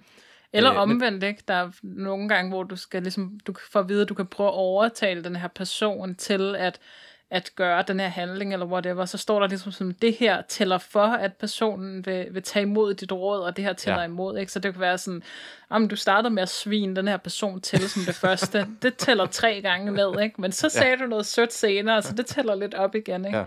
Det, det, ja, det mega gør ligesom fedt. op til sidst, ikke? Øh, hvad de ting, du ja. så har, de valg, du så har taget, hvad har det betydet for dig, ikke? Ja. Det, jeg, jeg, normalt så har jeg jo været sådan, altså jeg, jeg kan huske tilbage i Telltale, spillene, der er det også noget med, at de siger, this character will remember this. Men det er som om, at de lidt gør det mere tydeligt i det der spil, gør det mere, hvad kan man sige, man kan, man kan bedre gennemskue det i det her spil, fordi de så siger, du sagde det her på det her tidspunkt, øh, derfor så, så nu ved du hvorfor, nu ved du hvad for en fejl, eller hvad for en ting, du har gjort mm. godt, kan man sige. Ikke? Og det kan jeg rigtig godt lide, fordi så, så ved jeg sådan, nå okay, så, så det, jeg sagde i den, det, jeg sagde i den der situation, havde den effekt, så hvis jeg havde taget noget andet, så havde det jo måske haft den anden. Ikke? Mm. Men også det her med, at du kan sådan, du kan faktisk få, få uh, Andreas her til at tænke lidt mere over de ting, og få nogle råd fra nogle af, han har sådan nogle fantasivenner, han, han drømmer om og snakker mm. med en gang med dem, mm. Uh, som sådan kan, hvis, hvis der er et eller andet, der du sådan virkelig i tvivl om, altså, altså hvordan det vil have, for, hvad for en effekt det vil have på den her karakter, mm. når du siger det her, så kan du sådan gå ned og, og tage sådan en, en ekstra uh, ja. dialog, uh, hvad skal man sige, mm. valg, mm. hvor, hvor du, hvor han ligesom tænker, altså hvor de kommenterer på at sige, hvis du siger det her, så kan det være, at det har den her effekt, hvis du siger det, mm. det kan være, at det har den her. Og det er sådan, du ved aldrig helt, at du bliver ikke 100% sikker på, hvad det gør, fordi du får ligesom en anden mening fra en af de her fantasivenner, og det, det gør bare, at du bliver endnu mere i tvivl måske om, hvad der, hvad der er rigtigt og forkert, og det kan jeg rigtig godt lide, fordi at du tænker endnu dybere over din valg. Øh, ja. Og til sidst så får du bare at vide, om det var godt eller skidt, og hvor mange gange du gjorde noget godt eller skidt. Ikke? Og, det, og det er jo en klassisk ting ikke, med, med de her øh, historiedrevne spil, altså det der med illusionen af, at ens valg betyder noget. Det, det har rigtig ja. stor effekt for mig i hvert fald på de her spil. Det der med, at man fornemmer, at det kunne have udviklet sig meget, meget, meget anderledes. Ikke? Og sjældent jo. er det egentlig tilfældet, men jeg vil sige, Pentiment er nok et af de spil i den her genre, jeg har spillet, hvor det mest føles som om, du ved, at man kunne at man, kunne, ja. at man virkelig kunne have, kan, altså ens handlinger, de betyder noget. Og der er en konkret jeg ting... virkelig, Nå ja, jeg vil ja, bare det... sige, jeg så virkelig med følelsen om, at der er nogle ting, jeg vil have gjort anderledes. præcis. Og det er lige præcis det næste, jeg godt kunne tænke mig at spørge øh, dig, Anne, om. Øh, altså det her med, spillet har jo som en generel tematik. Det står allerede klart tidligt jo ikke, Andreas Mahler. Han er jo en, en, en, en delvist færdigbygget person, eller man bygger ligesom personen med ham, men han har noget bagage, han har en historik, han kommer fra, og han får det også i, i, hen over spillet. Det er et spil, der foregår i akter, øh, som er forskellige tidsperioder faktisk, så der er ligesom, man, man lærer ham ligesom at kende over længere tid, og, og lærer også at forstå, at nogle af de valg, man træffer i spillet, har konsekvenser. Store mm. konsekvenser, mm. også på den lange bane. Og det er allerede i, sådan, i slutningen af akt 1, der hvor du er nået til, Niklas, uden igen, at vi skal ja. spoil, hvad der sker der. Men der, der sker noget så, så, så gennemgribende vigtigt, altså afhængig af, hvordan man har spillet det akt, altså hvad man har gjort. Ikke? Som sagt, det er et mormysterie, og man er involveret i ligesom at opklare, hvem har gjort det. Ikke? Og mm altså, da jeg var færdig med det akt i hvert fald, jeg var meget, meget i tvivl om, hvem der havde gjort det. Ikke? Og det, der kommer en dommer og sådan noget, at man skal præsentere nogle beviser, og, og, og det bliver lige pludselig, altså, og, og, og så jeg får i hvert fald truffet nogle valg, hvor bagefter er jeg meget i tvivl om egentlig, det var det rigtige, jeg gjorde, eller for jeg sagt det forkerte, og Gud, altså, og, og, og konsekvensen af det, man har gjort igen, ikke, ligesom hjemsøger selvfølgelig Andreas Mahler inde i spillet, fordi det er så det, som de efterfølgende ting kommer til at handle om. Men jo også mig selv som spiller egentlig. Altså jeg er jo sådan virkelig nærmest sådan, åh oh, oh, nej, hvad har jeg gjort? Ikke? Altså da jeg spillede spillet. Kan du ikke sætte nogle ord på det der, Anne? Jo, altså noget af det, som det her spil virkelig er, altså det er nærmest banebrydende. Jeg skal ikke sige, der, der er nok andre spil, der har haft en lignende mekanik. Men, men det, jeg rigtig godt kan lide ved det her spil, er, at det er bygget op omkring tid, så når det her første mor sker, så får du ligesom at vide, sådan, om du har x antal dage, indtil at der kommer den her dommer, der så, du så skal præsentere din, dit bevismateriale for. Og, øh, og, og, og dagene, de går ligesom, du har to til en tidsslot, eller hvad man skal sige, per dag til ligesom at gå ud og undersøge et clue, ikke? Du får ligesom listet sådan, ah, men den her person har været lidt mystisk på den her måde, og, og den anden person der kunne du snakke med, fordi han ved måske noget om det her, og sådan, du får ligesom sådan en buffet af clues, du kan gå ud ligesom og, og, og, og chase, ikke? Men du har flere clues, end du har tidsslots i alt. Mm. Så det vil sige, at lige meget hvad du gør, så vil der være nogle spor, der ligesom altså ender for dig, eller som du aldrig får, får udforsket. Og det giver lige meget hvad du har gjort, en følelse af sådan, fuck, tog jeg det rigtige valg? Hvad med den her ting? Jeg nåede lige præcis ikke at se, hvad der skete for enden mm. af denne her vej. Ikke? Men du skal ligesom tage et valg. Um, og det, det er sindssygt godt designet, altså, fordi det giver noget strategi i, altså ikke bare skal du, altså det er ikke sådan en checkliste, sådan om så skal jeg hen til mølleren, og så skal jeg hen til, til ham her, og så skal jeg op på klosteret, og sådan, det, det gør sådan lidt, okay, hvad kan jeg få ud af de her ting, altså, um, det, det virker lidt som at tage ud og fiske med ham her, det, det er sgu ikke der, det sker. Altså, det tror jeg ikke. Jeg, jeg, jeg vil meget hellere se ham her, der har øh, snedet sig ud om natten, eller whatever. Altså bare ek- eksempler, ikke? Øhm, det, det, det er virkelig en genial ting, fordi det, det gør, at, at det på en eller anden måde simulerer det mere realistisk, hvordan sådan en efterforskning også foregår. Ikke? Man, man skal tage nogle valg, hvad er det for noget, hvad er det, hvad er det mest varme spor af de her, ikke? og, og det, det, det synes jeg er fuldstændig genialt ting. Altså, mm. det, det, det provokerer virkelig nogle følelser i dig som spiller. Øhm, ja. som, jeg har et, et eksempel, hvor jeg, der var en eller anden, øh, nogle clues, jeg gerne ville forfølge, og så gør, gør jeg mig uminder med en eller anden meget, meget højtstående person, og så kan jeg bare ikke komme videre i den del, der er bare fordi, jeg, nej, nej, jeg så er han bare pissed. så det var sådan, ja, ja. god dag. Han, det siger ikke andet, det var, ja.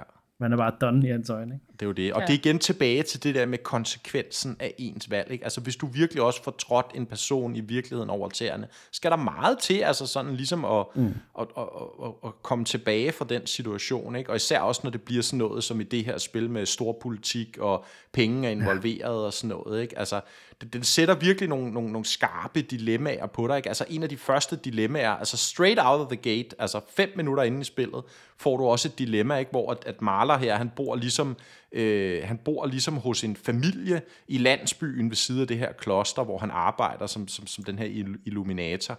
Og så kommer han ned til morgenmaden og sådan noget, og så kommer, du ved, fruen af huset sådan meget forsigtigt hen til ham og spørger sådan, åh, hun er meget ked af at skulle spørge om det her, men om ikke hun kunne få betalingen for næste uges husleje, fordi øh, landlorden, eller hvad det hedder, ham der ligesom øh, ejer øh, det land, de bor på, har opkrævet, øget opkrævningen af skatter, øh, så, så, så de har ikke råd til at betale, medmindre hun får, altså og allerede der, så sidder man bare, shit, jo, selvfølgelig kan du få mine penge, og så har man ingen penge tilbage, og så står man selv lige pludselig med dilemmaet, hvor man skal, du ved, op til klosteret og bede dem om ligesom at komme med en forbetaling af ens løn, fordi ellers har man ikke råd til mad, altså samme eftermiddag.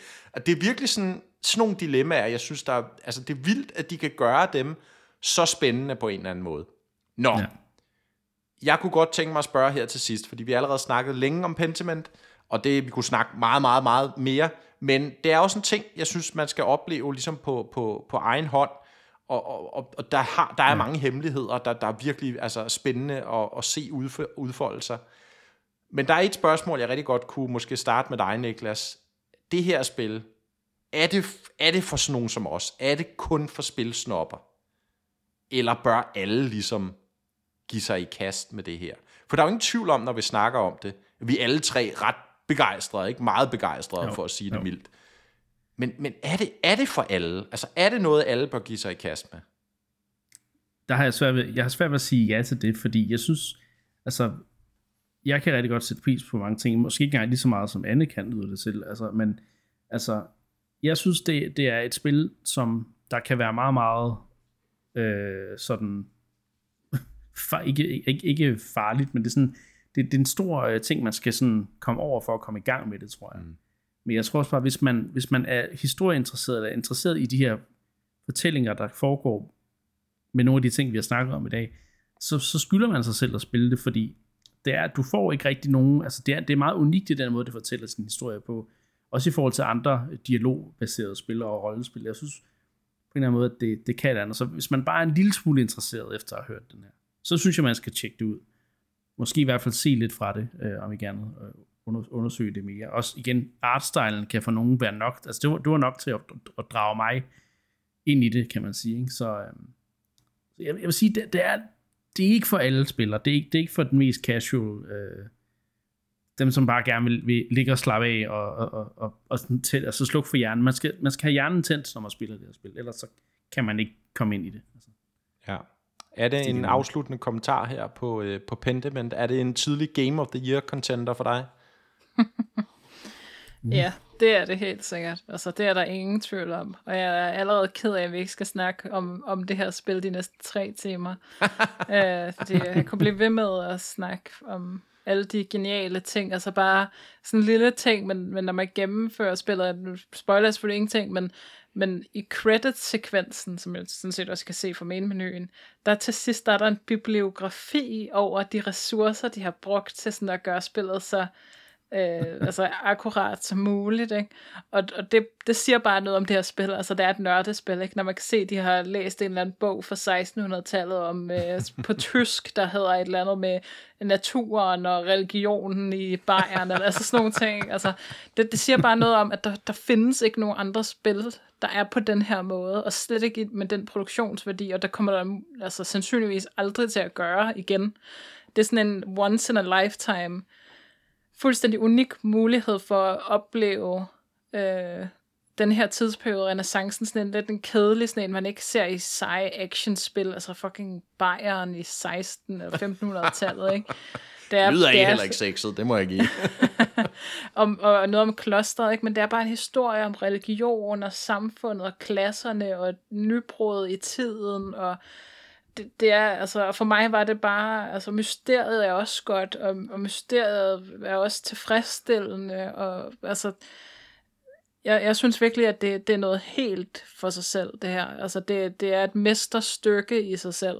Det, mm. det vil jeg sige. Jeg, jeg kan ikke se, hvordan de skulle have gjort det her spil bedre fra tidsinddelingen, der, der provokerer nogle vanvittige følelser i en, ikke til de her øh, forskellige æraer, det foregår i henover, ikke? og man ser øh, en by udvikle sig over tid, og dem, der ikke længere er der, og dem, der stadigvæk er der, og dem, der er dybt traumatiseret af de ting, der sker, og, og klasserne, religionen, bare sådan noget med, altså jeg følte, at jeg legit lærte noget, eller kunne sætte mig ind i religionens brugbarhed i den mm. tid, altså hvorfor folk er religiøse, hvorfor de tyr til, til de her ting, Øh, Øh, samtidig med at jeg også kan se, hvorfor at, at kirken var dybt korrupt, og hvordan de udnyttede folk. Altså jeg synes bare virkelig, det giver et helt, helt unikt, du får lov til, altså det som spil jo især kan, ikke? det her med, at du får lov til at leve livet af en person, du får lov til at se, opleve ting på din egen krop, og det, det kan du ikke få i noget andet spil end det her. Altså det er bare en helt unik, sindssygt veleksekveret mm. Mesterværk, og det er jo altså. og, og, og lige en, en afsluttende, afsluttende bemærkning på det, Anne, ikke? fordi jeg, jeg synes, det er rigtig, altså, det er rigtig spændende, det du siger. Ikke? Uh, det, det er ligesom en oplevelse, som kun det her medie kan byde på. Ikke? Altså, glem film, glem bøger i og for sig. Nu sagde jeg godt nok, den, det her har jo, har jo klare tråde til, til Umberto Ecos Rosens navn, men, men, men det er bare den måde, det bliver fortalt på, den måde, historien bliver præsenteret på, og det, at du har valg, der indflyder historien på den måde, og du ligesom selv skal leve med konsekvenserne af dem. Det er unikt for det her medie. Det får du bare kun i spilmediet, og det er utroligt. Ikke? Men også det her, Anne, du sagde med, det her spil, nu ved jeg godt tit i programmet, og tit generelt hører man jo om det her begreb mesterværk. Ikke?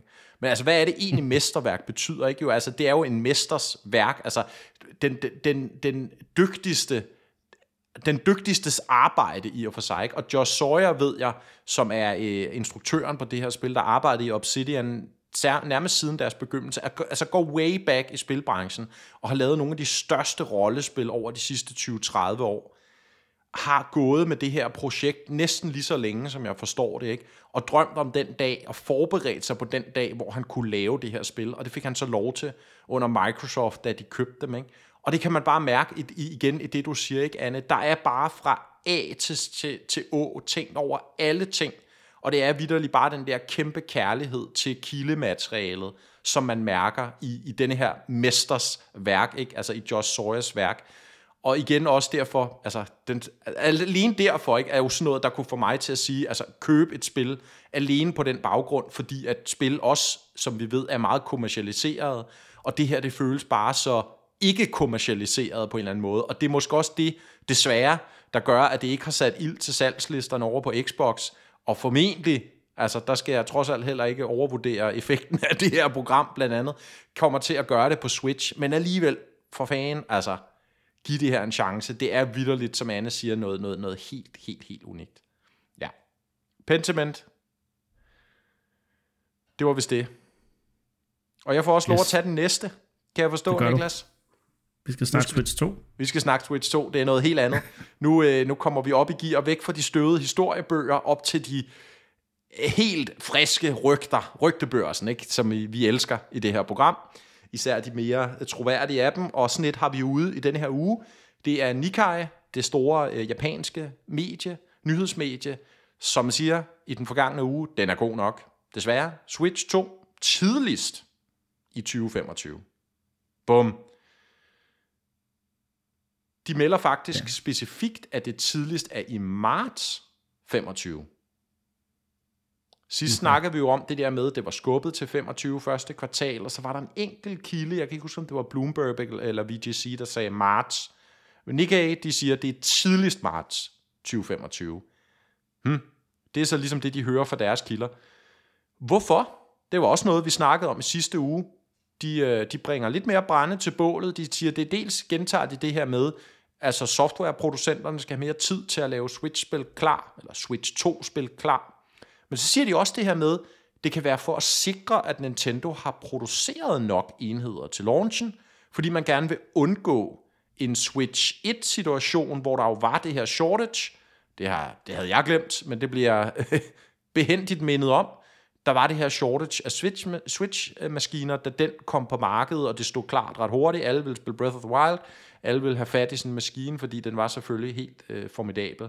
Så simpelthen for at undgå det, så udskyder de også. Så de kan nå at få produceret nok maskiner, til at alle kan, ligesom man behøver ikke at sidde klar på en eller anden hjemmeside og kæmpe mod 1000 bots, for at få lagt en bestilling i køen.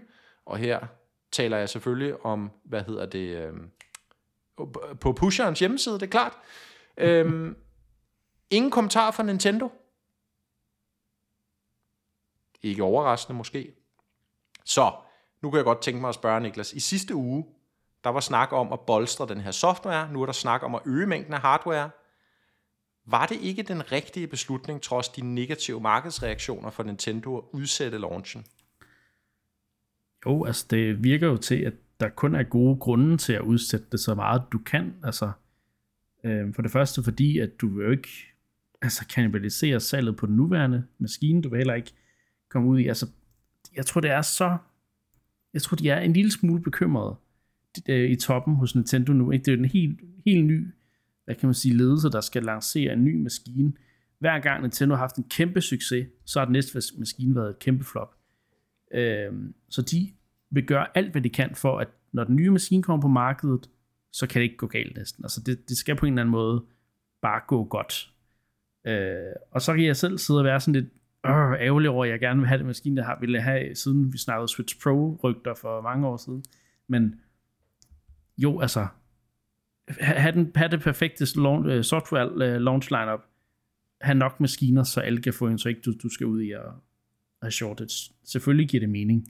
Øhm, og som kan det jo også godt være. Jeg, jeg synes også lidt til med, at de også gerne måske vil, vil sikre sig, at øh, hvad hedder det, aktien måske er lidt, lidt stærkere, når de lancerer den. Ikke? Eller et eller andet den stil. Jeg kan ikke huske, hvad det var. Men, øh, ja. ja, men øh, som vi også var inde på... mening.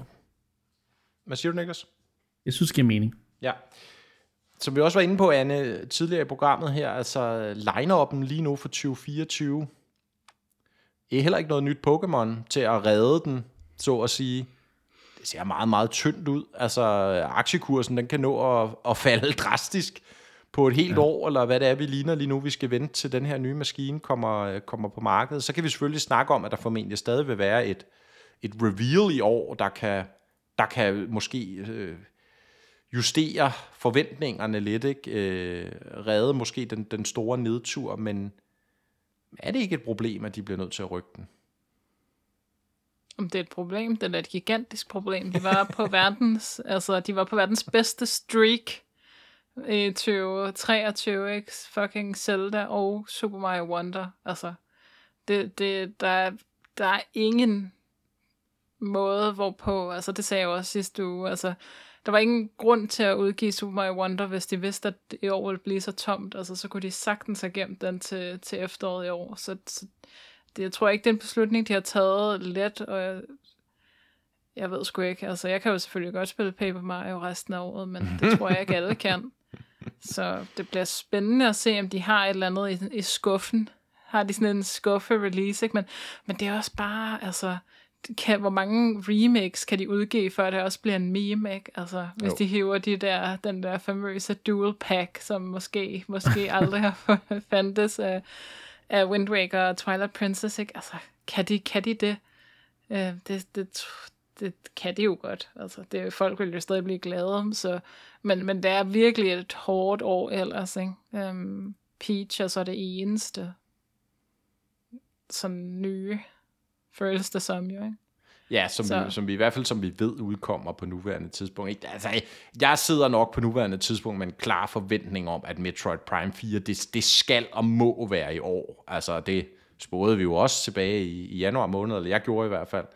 Jeg, jeg, jeg bliver, altså, det, det skal det bare være, ellers er det en, en direkte katastrofe jo ikke, fordi så ligner det lige nu, at der er et halvt år, hvor vi absolut ingenting ved, altså hvor der bare er tørke, ikke? Altså, det, det, det ser kritisk ud. Så, øhm, så ja, der har helt sikkert været mange, mange tanker omkring det her, men altså nu har vi, som sagt, Bloomberg, VGC, Eurogamer, Nikkei, der alle sammen melder det her fra deres øh, respektive kilder, uafhængige kilder, så der er jo nok noget om snakken, selvom at som du også sagde sidste uge, Anne, der er intet af det her, der er officielt. Vi har fået skudt den uofficielle launch til en uofficiel ny launch, næste år. Intet af det her er meldt ud af Nintendo, men, men vi betragter det lidt som gode varer. Og det synes jeg så også med, med god grund, ikke? fordi at uh, de her ting, de, de nok uh, de plejer at holde stik ja. i hvert fald. Jeg får lyst til at blive pessimist og sige, så kommer den ikke i marts, så kommer den først sommer næste år, oh. eller ikke, altså, sådan, så man rigtig kan forberede sig på det værste, og så blive fuldstændig overrasket, når de siger, at ah, det er marts. Nej, det tror jeg nu også, det er. Men, ja. altså, Fik... man kan sige, at, at det er hårdt. hvis vi skal hurtigt berøre det der med marts måned, ikke? Altså, det handler jo udelukkende om, at man udgiver ikke en konsol i januar måned. Altså, det, det gør man nej. ikke, fordi nej, nej. at det er måneden efter jul, hvor alle sparer. Øhm, og, og det så det, det er bare sådan, altså du ser heller ikke de kæmpe store AAA-spil, øh, de kommer bare heller ikke i januar eller februar, de kommer i marts, og sådan er det bare, sådan har det altid været, så altså, der er en, der er en overhængende sandsynlighed for, at vi kommer til at se en release date, der er sådan noget den 2., 3., 4. marts, ligesom det var med, med Switch 1. Jeg mener også, det mener også om, der er jo helt finansårsting, ikke? Det slutter og starter jo. der. Så, så de skal lige nu have det med i, i et finansår. Ja. så det, ja, det giver, giver, giver god mening. Okay, ja. Jeg har lidt, tak, tak for det, nu lidt mere. Ja. ja. Men jeg tænker du det? Det var ugens uh, Switch 2 rygte, så nu får du bolden ja. tilbage, Niklas. Nu ser der kommer i, i næste uge også. Så. Ja, jamen, øh, jeg har også en lille, en, en lidt, øh, en lidt øh, dramatisk historie her, vi skal snakke om, fordi i den øh, forrige uge, der er det kommet frem, at Nintendo nu sagsøger skaberne bag emulatoren, der hedder Yuzu. En øh, kendt Switch, øh, Nintendo Switch emulator, som øh, ja, bruges til, ifølge Nintendo i hvert fald, ikke særlig lovlige øh, ting. Og nu skal jeg prøve at forklare jer det hele. Jeg, jeg kommer til at gå lidt ind i, hvad, hvad den her, hvad det er, hvad hedder det, den her, det her sagsanlæg, det handler om, og så også, hvad, ja, jeg prøver at forklare det så godt jeg kan. Det er lidt teknisk. Men nu skal I høre. Nintendo of America har lagt sag an mod de her skabere af den her Yuzu-emulator, og ifølge, øh, det, det kan man sige, ifølge det sagsdokument, som der ligesom er blevet lagt op, så, så øh, mener Nintendo of America, at der er blevet blandt andet hentet over øh, cirka en million, øh, hvad hedder det, øh, hvad hedder det, ulovlige piratkopieringsudgaver af Tears of the Kingdom, øh, da det kom ud, øh, og det er også før. Og øh, altså, det blev lækket op til en halvanden uge før udgivelse, faktisk, på de her, hvad hedder hvad, ja, de her øh, ulovlige piratkopieringssider, ikke?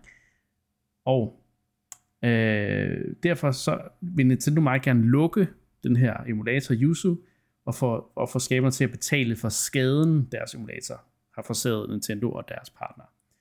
Og øh, så er det sådan lidt, man tænker, okay, men det er da ikke særlig tit, er det, at en emulator bliver, bliver, bliver taget med i rent. Det, det, det varierer lidt i forhold til, altså det er, det er jo et meget betændt emne, især for Nintendo, så der, nogle gange så sker der nogle juridiske ting, og andre gange så bliver det ligesom bare, ja, så, så ligesom noget, man bare ikke snakker om.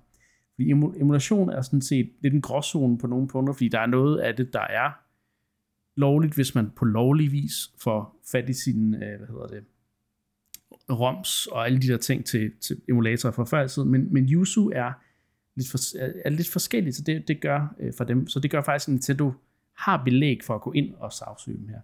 Fordi ifølge sags, øh, sagsdokumentet, så øh, bruger Nintendo en række teknologier for at kryptere deres spil på Nintendo Switch, øh, og gøre sådan, så man ikke bare kan smide et Switch-spil i en eller anden læser, og så kan du spille det på en PC ud out the box.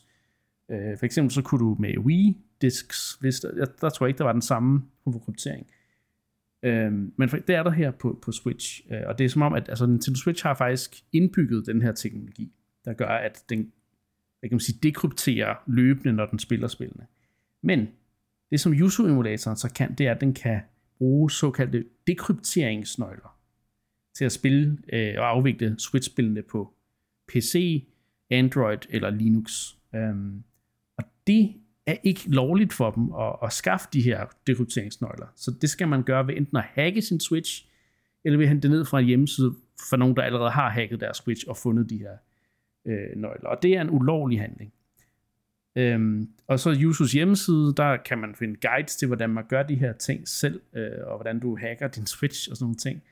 Og øh, derfor så bliver de ligesom også forbundet med hele den her distribution af piratkopiering og øh, af Switch-spil og så videre. Konklusionen er, hvis jeg skal prøve at, at opsummere det, det er, at Yuzu her, den, det er en emulator, der bruger ulovlige dekrypteringsnøgler til at afvikle Switch-spil på andre platforme. Øh, og det bryder derfor med, med det, der hedder DMCA, eller copyright-lovgivning i USA. Øh, fordi uden Yuzu vil du ikke kunne øh, emulere Switch-spil på de andre platforme.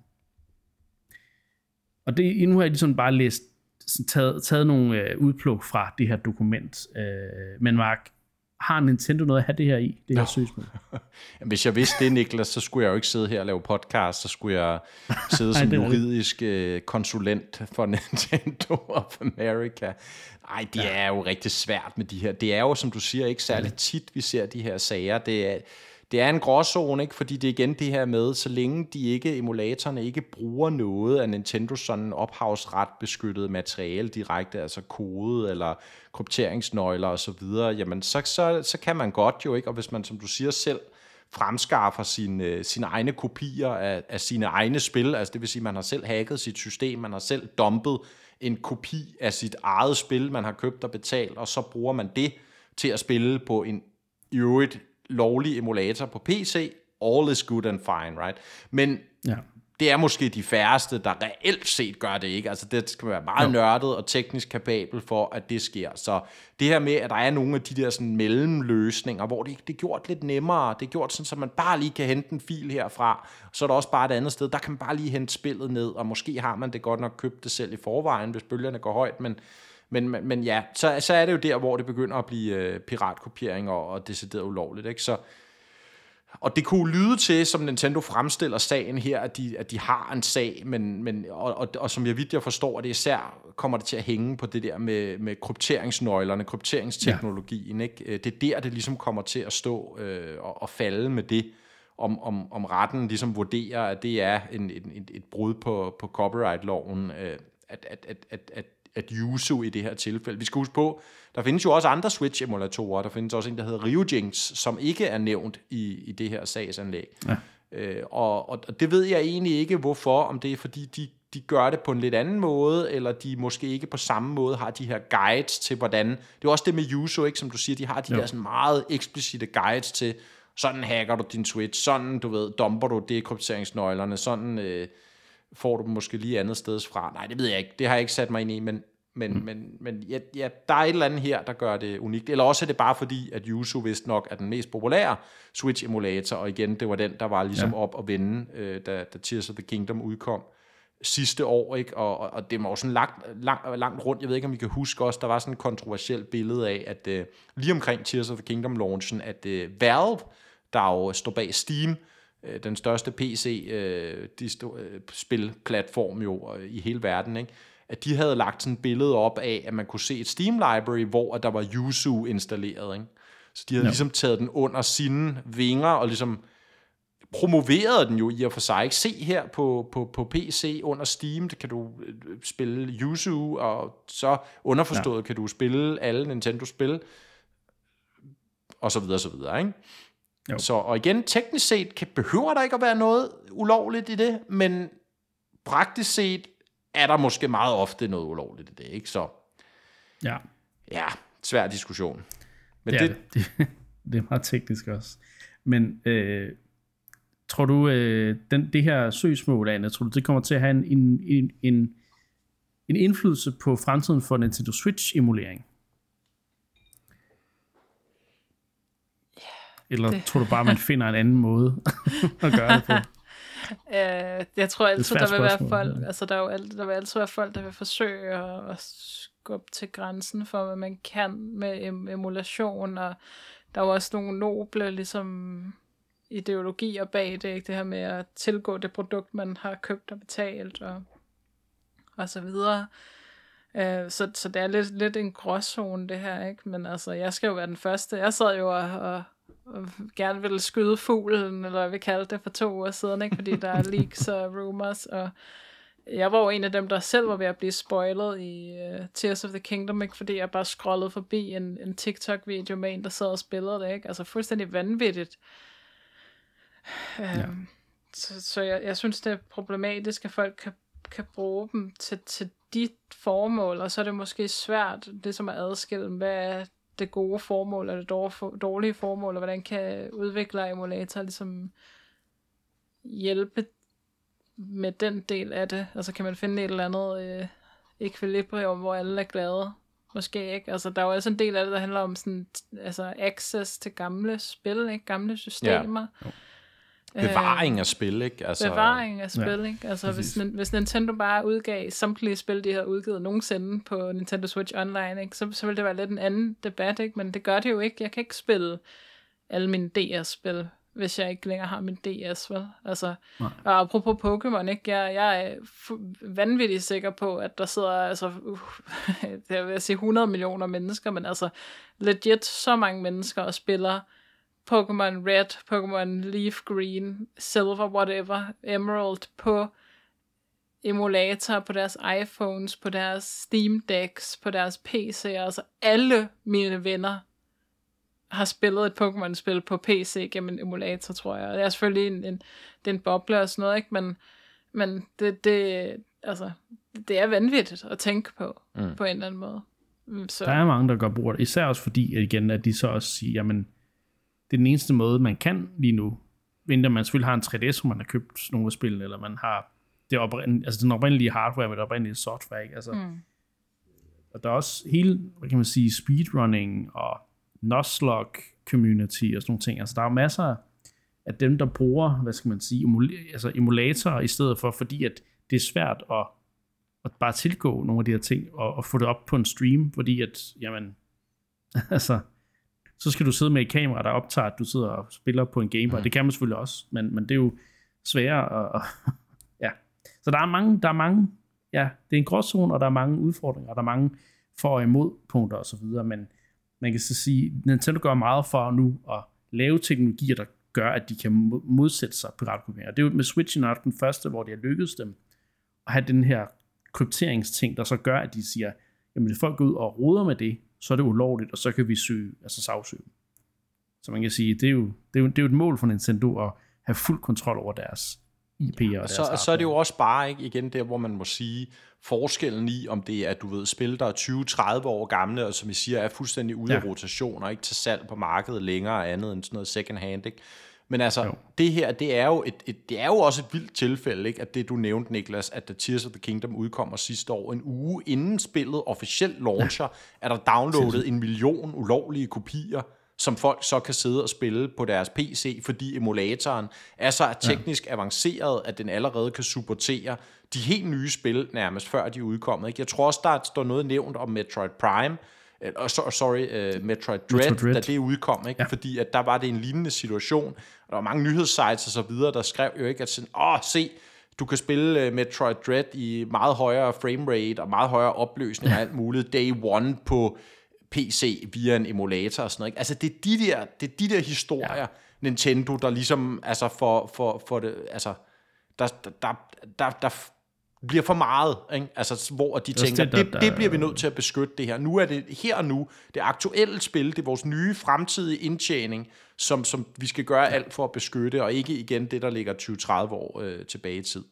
De, de er nok mere interesserede i at, at få det her vejen ind og gå tilbage og finde en eller anden Game Boy Advance emulator og mm. sagsøge den. Ikke? Jo. Øh, men mindre de selvfølgelig begynder at smide GBA-spillene på, ja. på, øh, på Switch. No, anyway. Ja, men det er, det er en meget øh, interessant snak, og der, der er mange forskellige ting på det. Vi må se, hvad der ender, øh, om, om Nintendo får hold i, i det her, og de, de vinder, eller om Yuzu på en eller anden måde kan, kan overleve. Fordi det er også, øh, ja, det vil nok ikke være så, så godt for, for de, øh, hvad hedder det, enkelte personer, der sidder bag det her øh, projekt. Nej, det er så det næste, jo, ikke? det går igennem. Det har vi også et eksempel på. Men det er en helt anden stak. Så jeg vil sådan set bare, øh, bare lukke den her og gå videre til de korte overskrifter. Vi har ikke så meget tilbage i programmet nu, men vi skal lige igennem nogle, øh, nogle kortere nyhedsoverskrifter, og så skal vi også ja, så skal vi også have det vores, vores egne segmenter til sidst. Øhm, men ja, den første korte overskrift i dag, det er øh, Hi-Fi Rush skulle efter sigende være rykket til Switch 2. Hi-Fi Rush var et spil, vi forventede at se blive annonceret, jeg forventede i hvert fald, at se det blive annonceret fra Xbox til Switch, når, ja, der, da vi for mange uger siden snakkede om, hvad for nogle spil ville vi gerne se, og kunne vi forestille os at se til Switch øh, nu. Men grund til, at vi ikke ser Hi-Fi Rush, er efter sine, øh, ifølge nogle rygter, fordi at det er blevet, øh, de skiftet planerne til, at det skulle gives på den næste Switch, og det vil jo måske give meget god mening, fordi spørgsmålet er, om det nuværende Switch kan køre Hi-Fi Rush øh, ordentligt. Man kan i hvert fald køre grounded på en eller anden, ja, på en eller anden måde, men jeg ved om High Five Rush måske, ja, og de gerne vil have, at det, det spil kører lidt bedre, ikke? Uh, hvad Mark, High Five Rush 2? Nej, undskyld, High Five Rush på Switch 2. Giver det mening? Det giver rigtig god mening, også fordi Hi-Fi Rush er jo et rytmespil, hvis ikke man kender ja. det. Det er jo et, i virkeligheden et Bayonetta-like, altså sådan et character action game, chubang hack and slash, fart over feltet, og så er det jo rytmebaseret. Det er ligesom det, der er det ja. unikke ved Hi-Fi Rush. Og det vil sige, at spille et rytmespil med en ustabil framerate, altså, så skal man være, du ved, immun over for framerate-problemer, altså til en helt ekstrem grad, før man ikke bliver generet over det, ikke? Fordi det vil jo betyde, at man vil, altså, det vil jo de facto nærmest være umuligt at holde rytmen i ens angreb og så videre, og man ens dodges og parries og alle de ting, man nu kan i sådan et spil, som skal times helt ned til den enkelte frame nærmest, ikke? Så det giver rigtig god mening, at det simpelthen, selvom det har sådan en cel-shaded, lidt uh, cartoony stil, måske ikke er det mest krævende spil, der er set på konkurrerende platform, jamen så skal det bare køre bundsolidt. Ja. Det har de sikkert haft svært ved at opnå på den almindelige Switch, og derfor har de tænkt, bum, vi rykker til Switch 2. Ja. Og øh, Monique, jeg tror ikke, vi ser, øh, at, at folk, der har planlagt måske at lave en Switch-version, ikke bare Xbox, men andre, de måske begynder at tænke, okay, det gør, vi lige skal, lige skal holde den og, og lave det til en stærkere maskine. Altså man kan sige, at en stor del af det sådan tredjeparts content, der kommer til Switch, er jo indie-spillere, selvom selvfølgelig nogle af de nyere og lidt tungere øh, altså, kunne have nogle problemer og vanskeligheder ved at køre på Switchen, så generelt så vil man hellere ud på den platform, der har 140 millioner øh, brugere, end, end den næste, ja. som er risikabel og øh, ja. Og, god, ja, god. jeg tror heller ikke uh, umiddelbart at min fornemmelse, at det er nok ikke så mange uh, udviklere, det er nok kun de aller, aller tætteste samarbejdspartnere, der får noget som helst at vide om mm. Switch 2 overhovedet, får lov til at få et uh, development kit.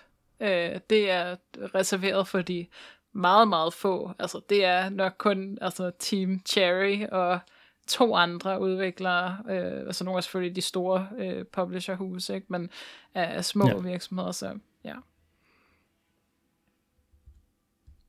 Så er der næste overskrift, det er øh, en lidt ærgerlig en af saksen, det er øh, fra Thunder, Thunderful, øh, som jo også er udgivet for de her Image Inform. Jeg faktisk ikke huske, at de skiftede helt navn til Thunderful. Ja, det har jeg. Ja. Øh, det er den, der laver SteamWorld-spillene. Og desværre er SteamWorld Build, øh, det har ikke levet op til, til de salgsmæssige forventninger.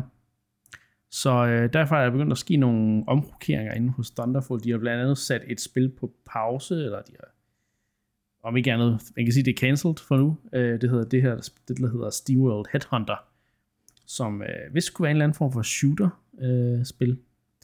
Øh, øh, de har du med at prøve forskellige genrer af. Og så øh, er der et tredje spil, der stadig er i udvikling, men ja, der sker så nogle, nogle øh, ja, der, der er nogle konsekvenser på baggrund af det her dårlige salg for SteamWorld Build.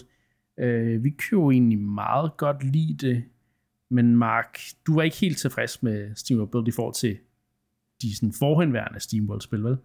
Nej, altså det er jo nok mit mindst favorit af SteamWorld-spillene til dato. Jeg havde som sagt mine, mine problemer med det, hvis man, hvis man husker tilbage på den episode, ja. da vi anmeldte det. Men altså, jeg synes jo stadig, det var en gedigen entry og point for forsøget at lave en, en ja. management sim og sådan noget i SteamWorld-universet. Jeg er vild med, at de prøver de her forskellige genrer af, så jeg synes bestemt, altså det er på ingen måde fortjent, altså forstå mig ret, at, at spillet sælger under forventningen. Det, det er ærgerligt, synes jeg, at, at de ikke... Mm at der ikke er flere, der er sprunget på, fordi det, det, det er et rigtig interessant take på, på, på den genre i den serie her. Så, øh, og så er det jo altid trist at se spiludviklere i vanskeligheder, ikke? og Thunderful helt klart, det kommer fra deres kvartalsregnskab, det her, så vidt jeg husker, ikke? at det, der er altså virkelig, der skal ske noget for ligesom at få øh, skuden rettet op, så de kan kigge fremad. Og det, det skriver de ved så også, og det, det regner de med at kunne øh, 20, 2025, 2026, der, der regner de med at være på ret køl igen. Ja. Og, og ja, og det, så... der er stadig flere spil, og SteamWorld-spil under udvikling. Det, det er bare, der er et af ja. dem, de bliver nødt til at sætte på Vogue Blues, ikke? Jo. Og så ser det jo frem til, Anne, øh, at øh, altså det, der er noget med, at de ser frem til den næste generation af Nintendo-maskine, ikke? Øh, så de tror også, at det kommer til at, at være et boost for deres øh, fremtid, øh, fremtidige spil og sådan noget, så det er jo, ja. Nogle kommentarer til det? Det er jo lidt ærgerligt, ikke? Men ja, Thunderfall har ikke haft det så godt run, så ja. Det, det er altid trist. Det var, ja, SteamWorld Build var ikke lige vores kop te, jo. I hvert fald ikke Marks. Ah, du var da okay begejstret, Anna, som jeg husker. Jeg fik ja, i hvert fald at vide, at det var mig, der havde et problem med min uh, micromanagement, min city planning, tror jeg. Det var det også det, men jeg, det var jeg, det jeg måske ved ikke, også. Da, jeg, da jeg først kom i gang med det, så kom jeg aldrig rigtig langt i det. Så der, der jeg, var jeg vil bare have den der Dungeon Keeper del, der vil jeg bare have, have, have et fuldt Steamboat-spil med, tror jeg. Det var, det var sådan set det, jeg satte pris på. Nå, Øhm, men ja, den sidste korte overskrift, det er, at der er nyt indhold, gratis indhold faktisk til Prince of Persia The Lost Crown. Så det er jo, det er jo rigtig god nyhed for os, øh, der, altså Mark, vi er, jo, vi er jo vilde med det her spil. Ja. Og der kommer der mere gratis indhold, og man, de siger, man skal i hvert fald lige overveje at træne lidt med ham der, øh, øh, Artaban, som er tutorial-mester i, i spillet. øh, og man kan måske også lige overveje at klare Immortal øh, sværhedsgraden. Ja, det har jeg så gjort. Sværhedsgrad. Det har du så gjort. Så du er klar til mere gratis indhold. Måske mere mig, der Faktisk vil jeg sige, at jeg havde været klar til mere betalt indhold. Det bekymrer okay. mig lidt, det der okay. ord gratis indhold, fordi det lugter af, at det ja. er sådan noget, ja, sådan noget lidt, det er ikke sådan et, et nyt chapter, vel, med, med store Nej, nye omgivelser og alt muligt ja. andet. Det kunne godt lugte af, at det er sådan et eller andet mode, hvor de så re brander noget content Rogue fra spillet. Måske light. sådan en roguelike mode, ikke? netop som, som vi snakkede om tidligere med Splatoon Side Order. Det kan også være fint nok, forstå mig ret. Jeg skal ikke sidde og, og, og, og, og kæmpe af, af gratis opdateringer til, til det her spil. Jeg vil sige, sige ja til en, uh, hvad hedder det, Prince of Persia Side Order. Det er ikke, uh, Nej, nej, bestemt ikke, bestemt ikke. Men jeg havde glædeligt kastet, du ved, flere penge efter det spil, øh, ja. fordi det, det fortjener virkelig sin succes, som vi snakkede om, det har ikke solgt, øh, de tidlige indikationer nej. i hvert fald, øh, har det ikke solgt for godt, vel? Så, nej. Men dejligt at høre, at de ikke helt har lukket udviklingen af spillet. Ikke? Det vil sige, de tror måske stadig på, igen, ja. at de kan få noget, noget long tail på det her spil, og, og et godt salg over tid, hvis de bliver ved med at supportere. De kan lave et, uh, et sparks of hope. Ja, et eller andet i den stil. Altså, de har virkelig også altså, supporteret det her spil, jeg havde jo mange bugs, da jeg spillede spillet uh, der tilbage i januar og februar. Og så nærmest hver uge var der en ny patch, der, der fixede en bug, jeg havde. Så det var, det var super fedt. Så ja, glad for, at de blev med at supportere spillet. Ja, det er igen kæmpe anbefaling, øh, hvis man har brug for et nyt Metroidvania. Så er det altså det, man kan finde det. Så ja, det var de korte overskrifter. Øhm, nå, nu øh, skal vi tilbage til et segment, vi, vi præsenterede sidste år, som jo hedder, hvem spiller det her? øhm, et segment, hvor vi øh, tager spil fra den nederste hylde, og gerne et, et, et, et aktuelt øh, nederste hyldespil. Øh, og så siger vi, øh, det prøver vi at spille. Og så er der en af os, der skal vælge, øh, hvad der skal spilles. Og det er faktisk blevet min tur.